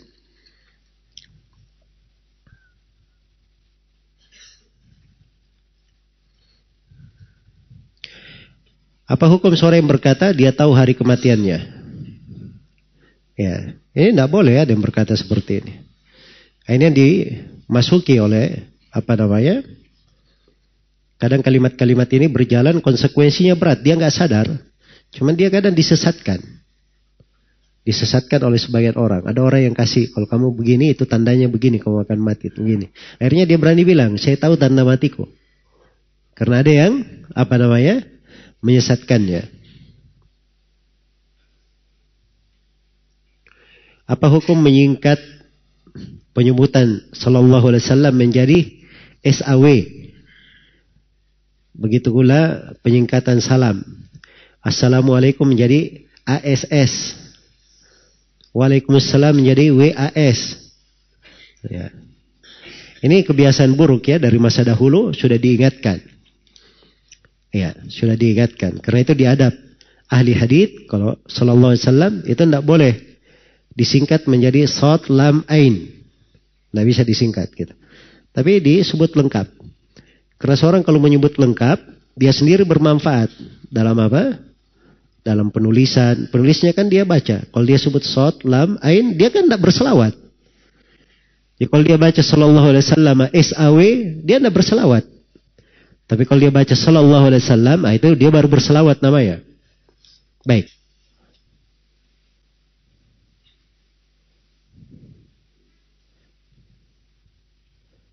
Ini ada yang kasih pertanyaan.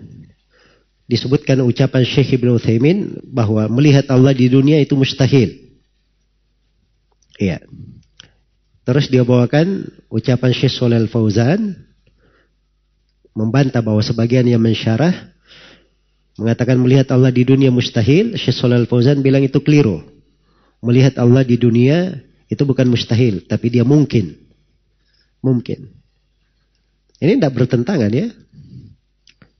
Syekh Ibn Uthaymin itu berbicara melihat Allah dalam keadaan apa?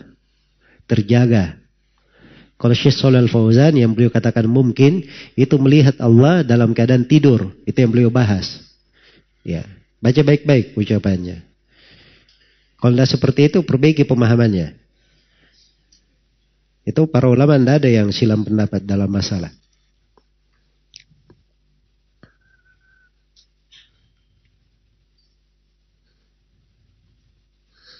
Karena ada sebagian buku tertulis begitu. Ya. Tertulis, salahkan cetakannya.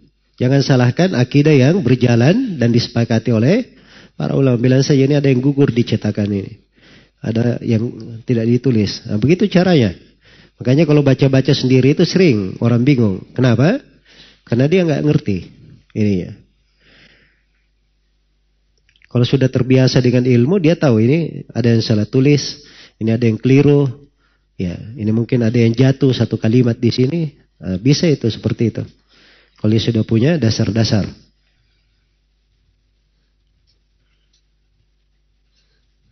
Bagaimana dengan warga negara yang tunduk pada aturan negara yang di dalamnya ada beberapa aturan yang tidak sejalan dengan hukum Allah?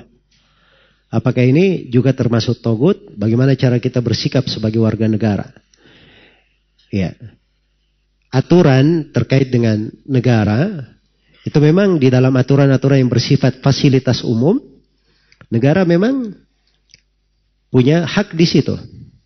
Karena pemerintah ar-ra'i, dia itu bertindak, perbuatan dia itu dibangun di atas maslahat. Jadi apa yang dia pandang maslahat itu dibolehkan. Tapi ini sepanjang bukan maksiat. Jadi taati pada hal yang ma'ruf, hal yang maksiat tidak diikuti. Ya, ya. Tapi mensifatkan togut ini hati-hati ya. Ada hal-hal terkait dengan ijtihadiyah. Kadang dia berijtihad, keliru. Nah dikatakan togut, nah. Jelas ya? Tapi ada hal-hal yang kadang memang sengaja menyelisih syariat, nah itu. Ya, ada hukum-hukum di belakangnya. Terkait dengan masalah pensifatan sebagai togut. Baik.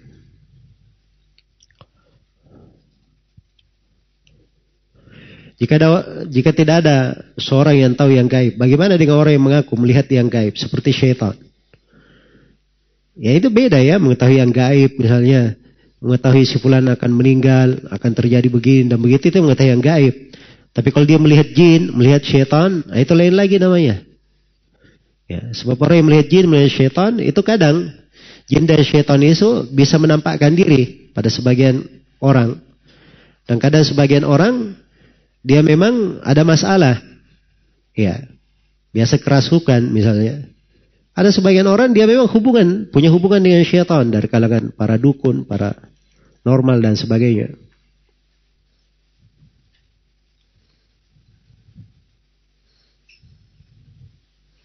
Bagaimana agar hati kita senang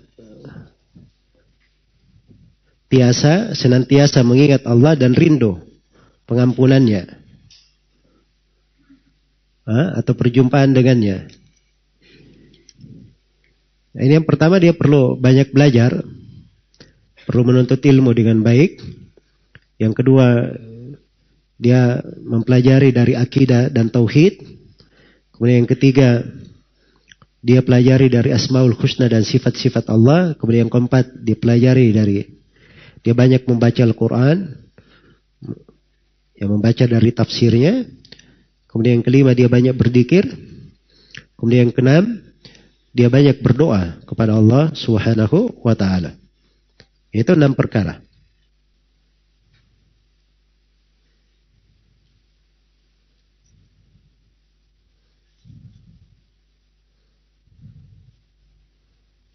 Dalam Al-Quran dikatakan janganlah seorang hamba mati kecuali dalam keadaan Islam. Apakah dengan tingkatan Islam tersebut seorang bisa masuk surga? Iya kalau dia meninggal dalam keadaan Muslim, ya itulah yang dia jaga. Itu memang tugas dalam hidup.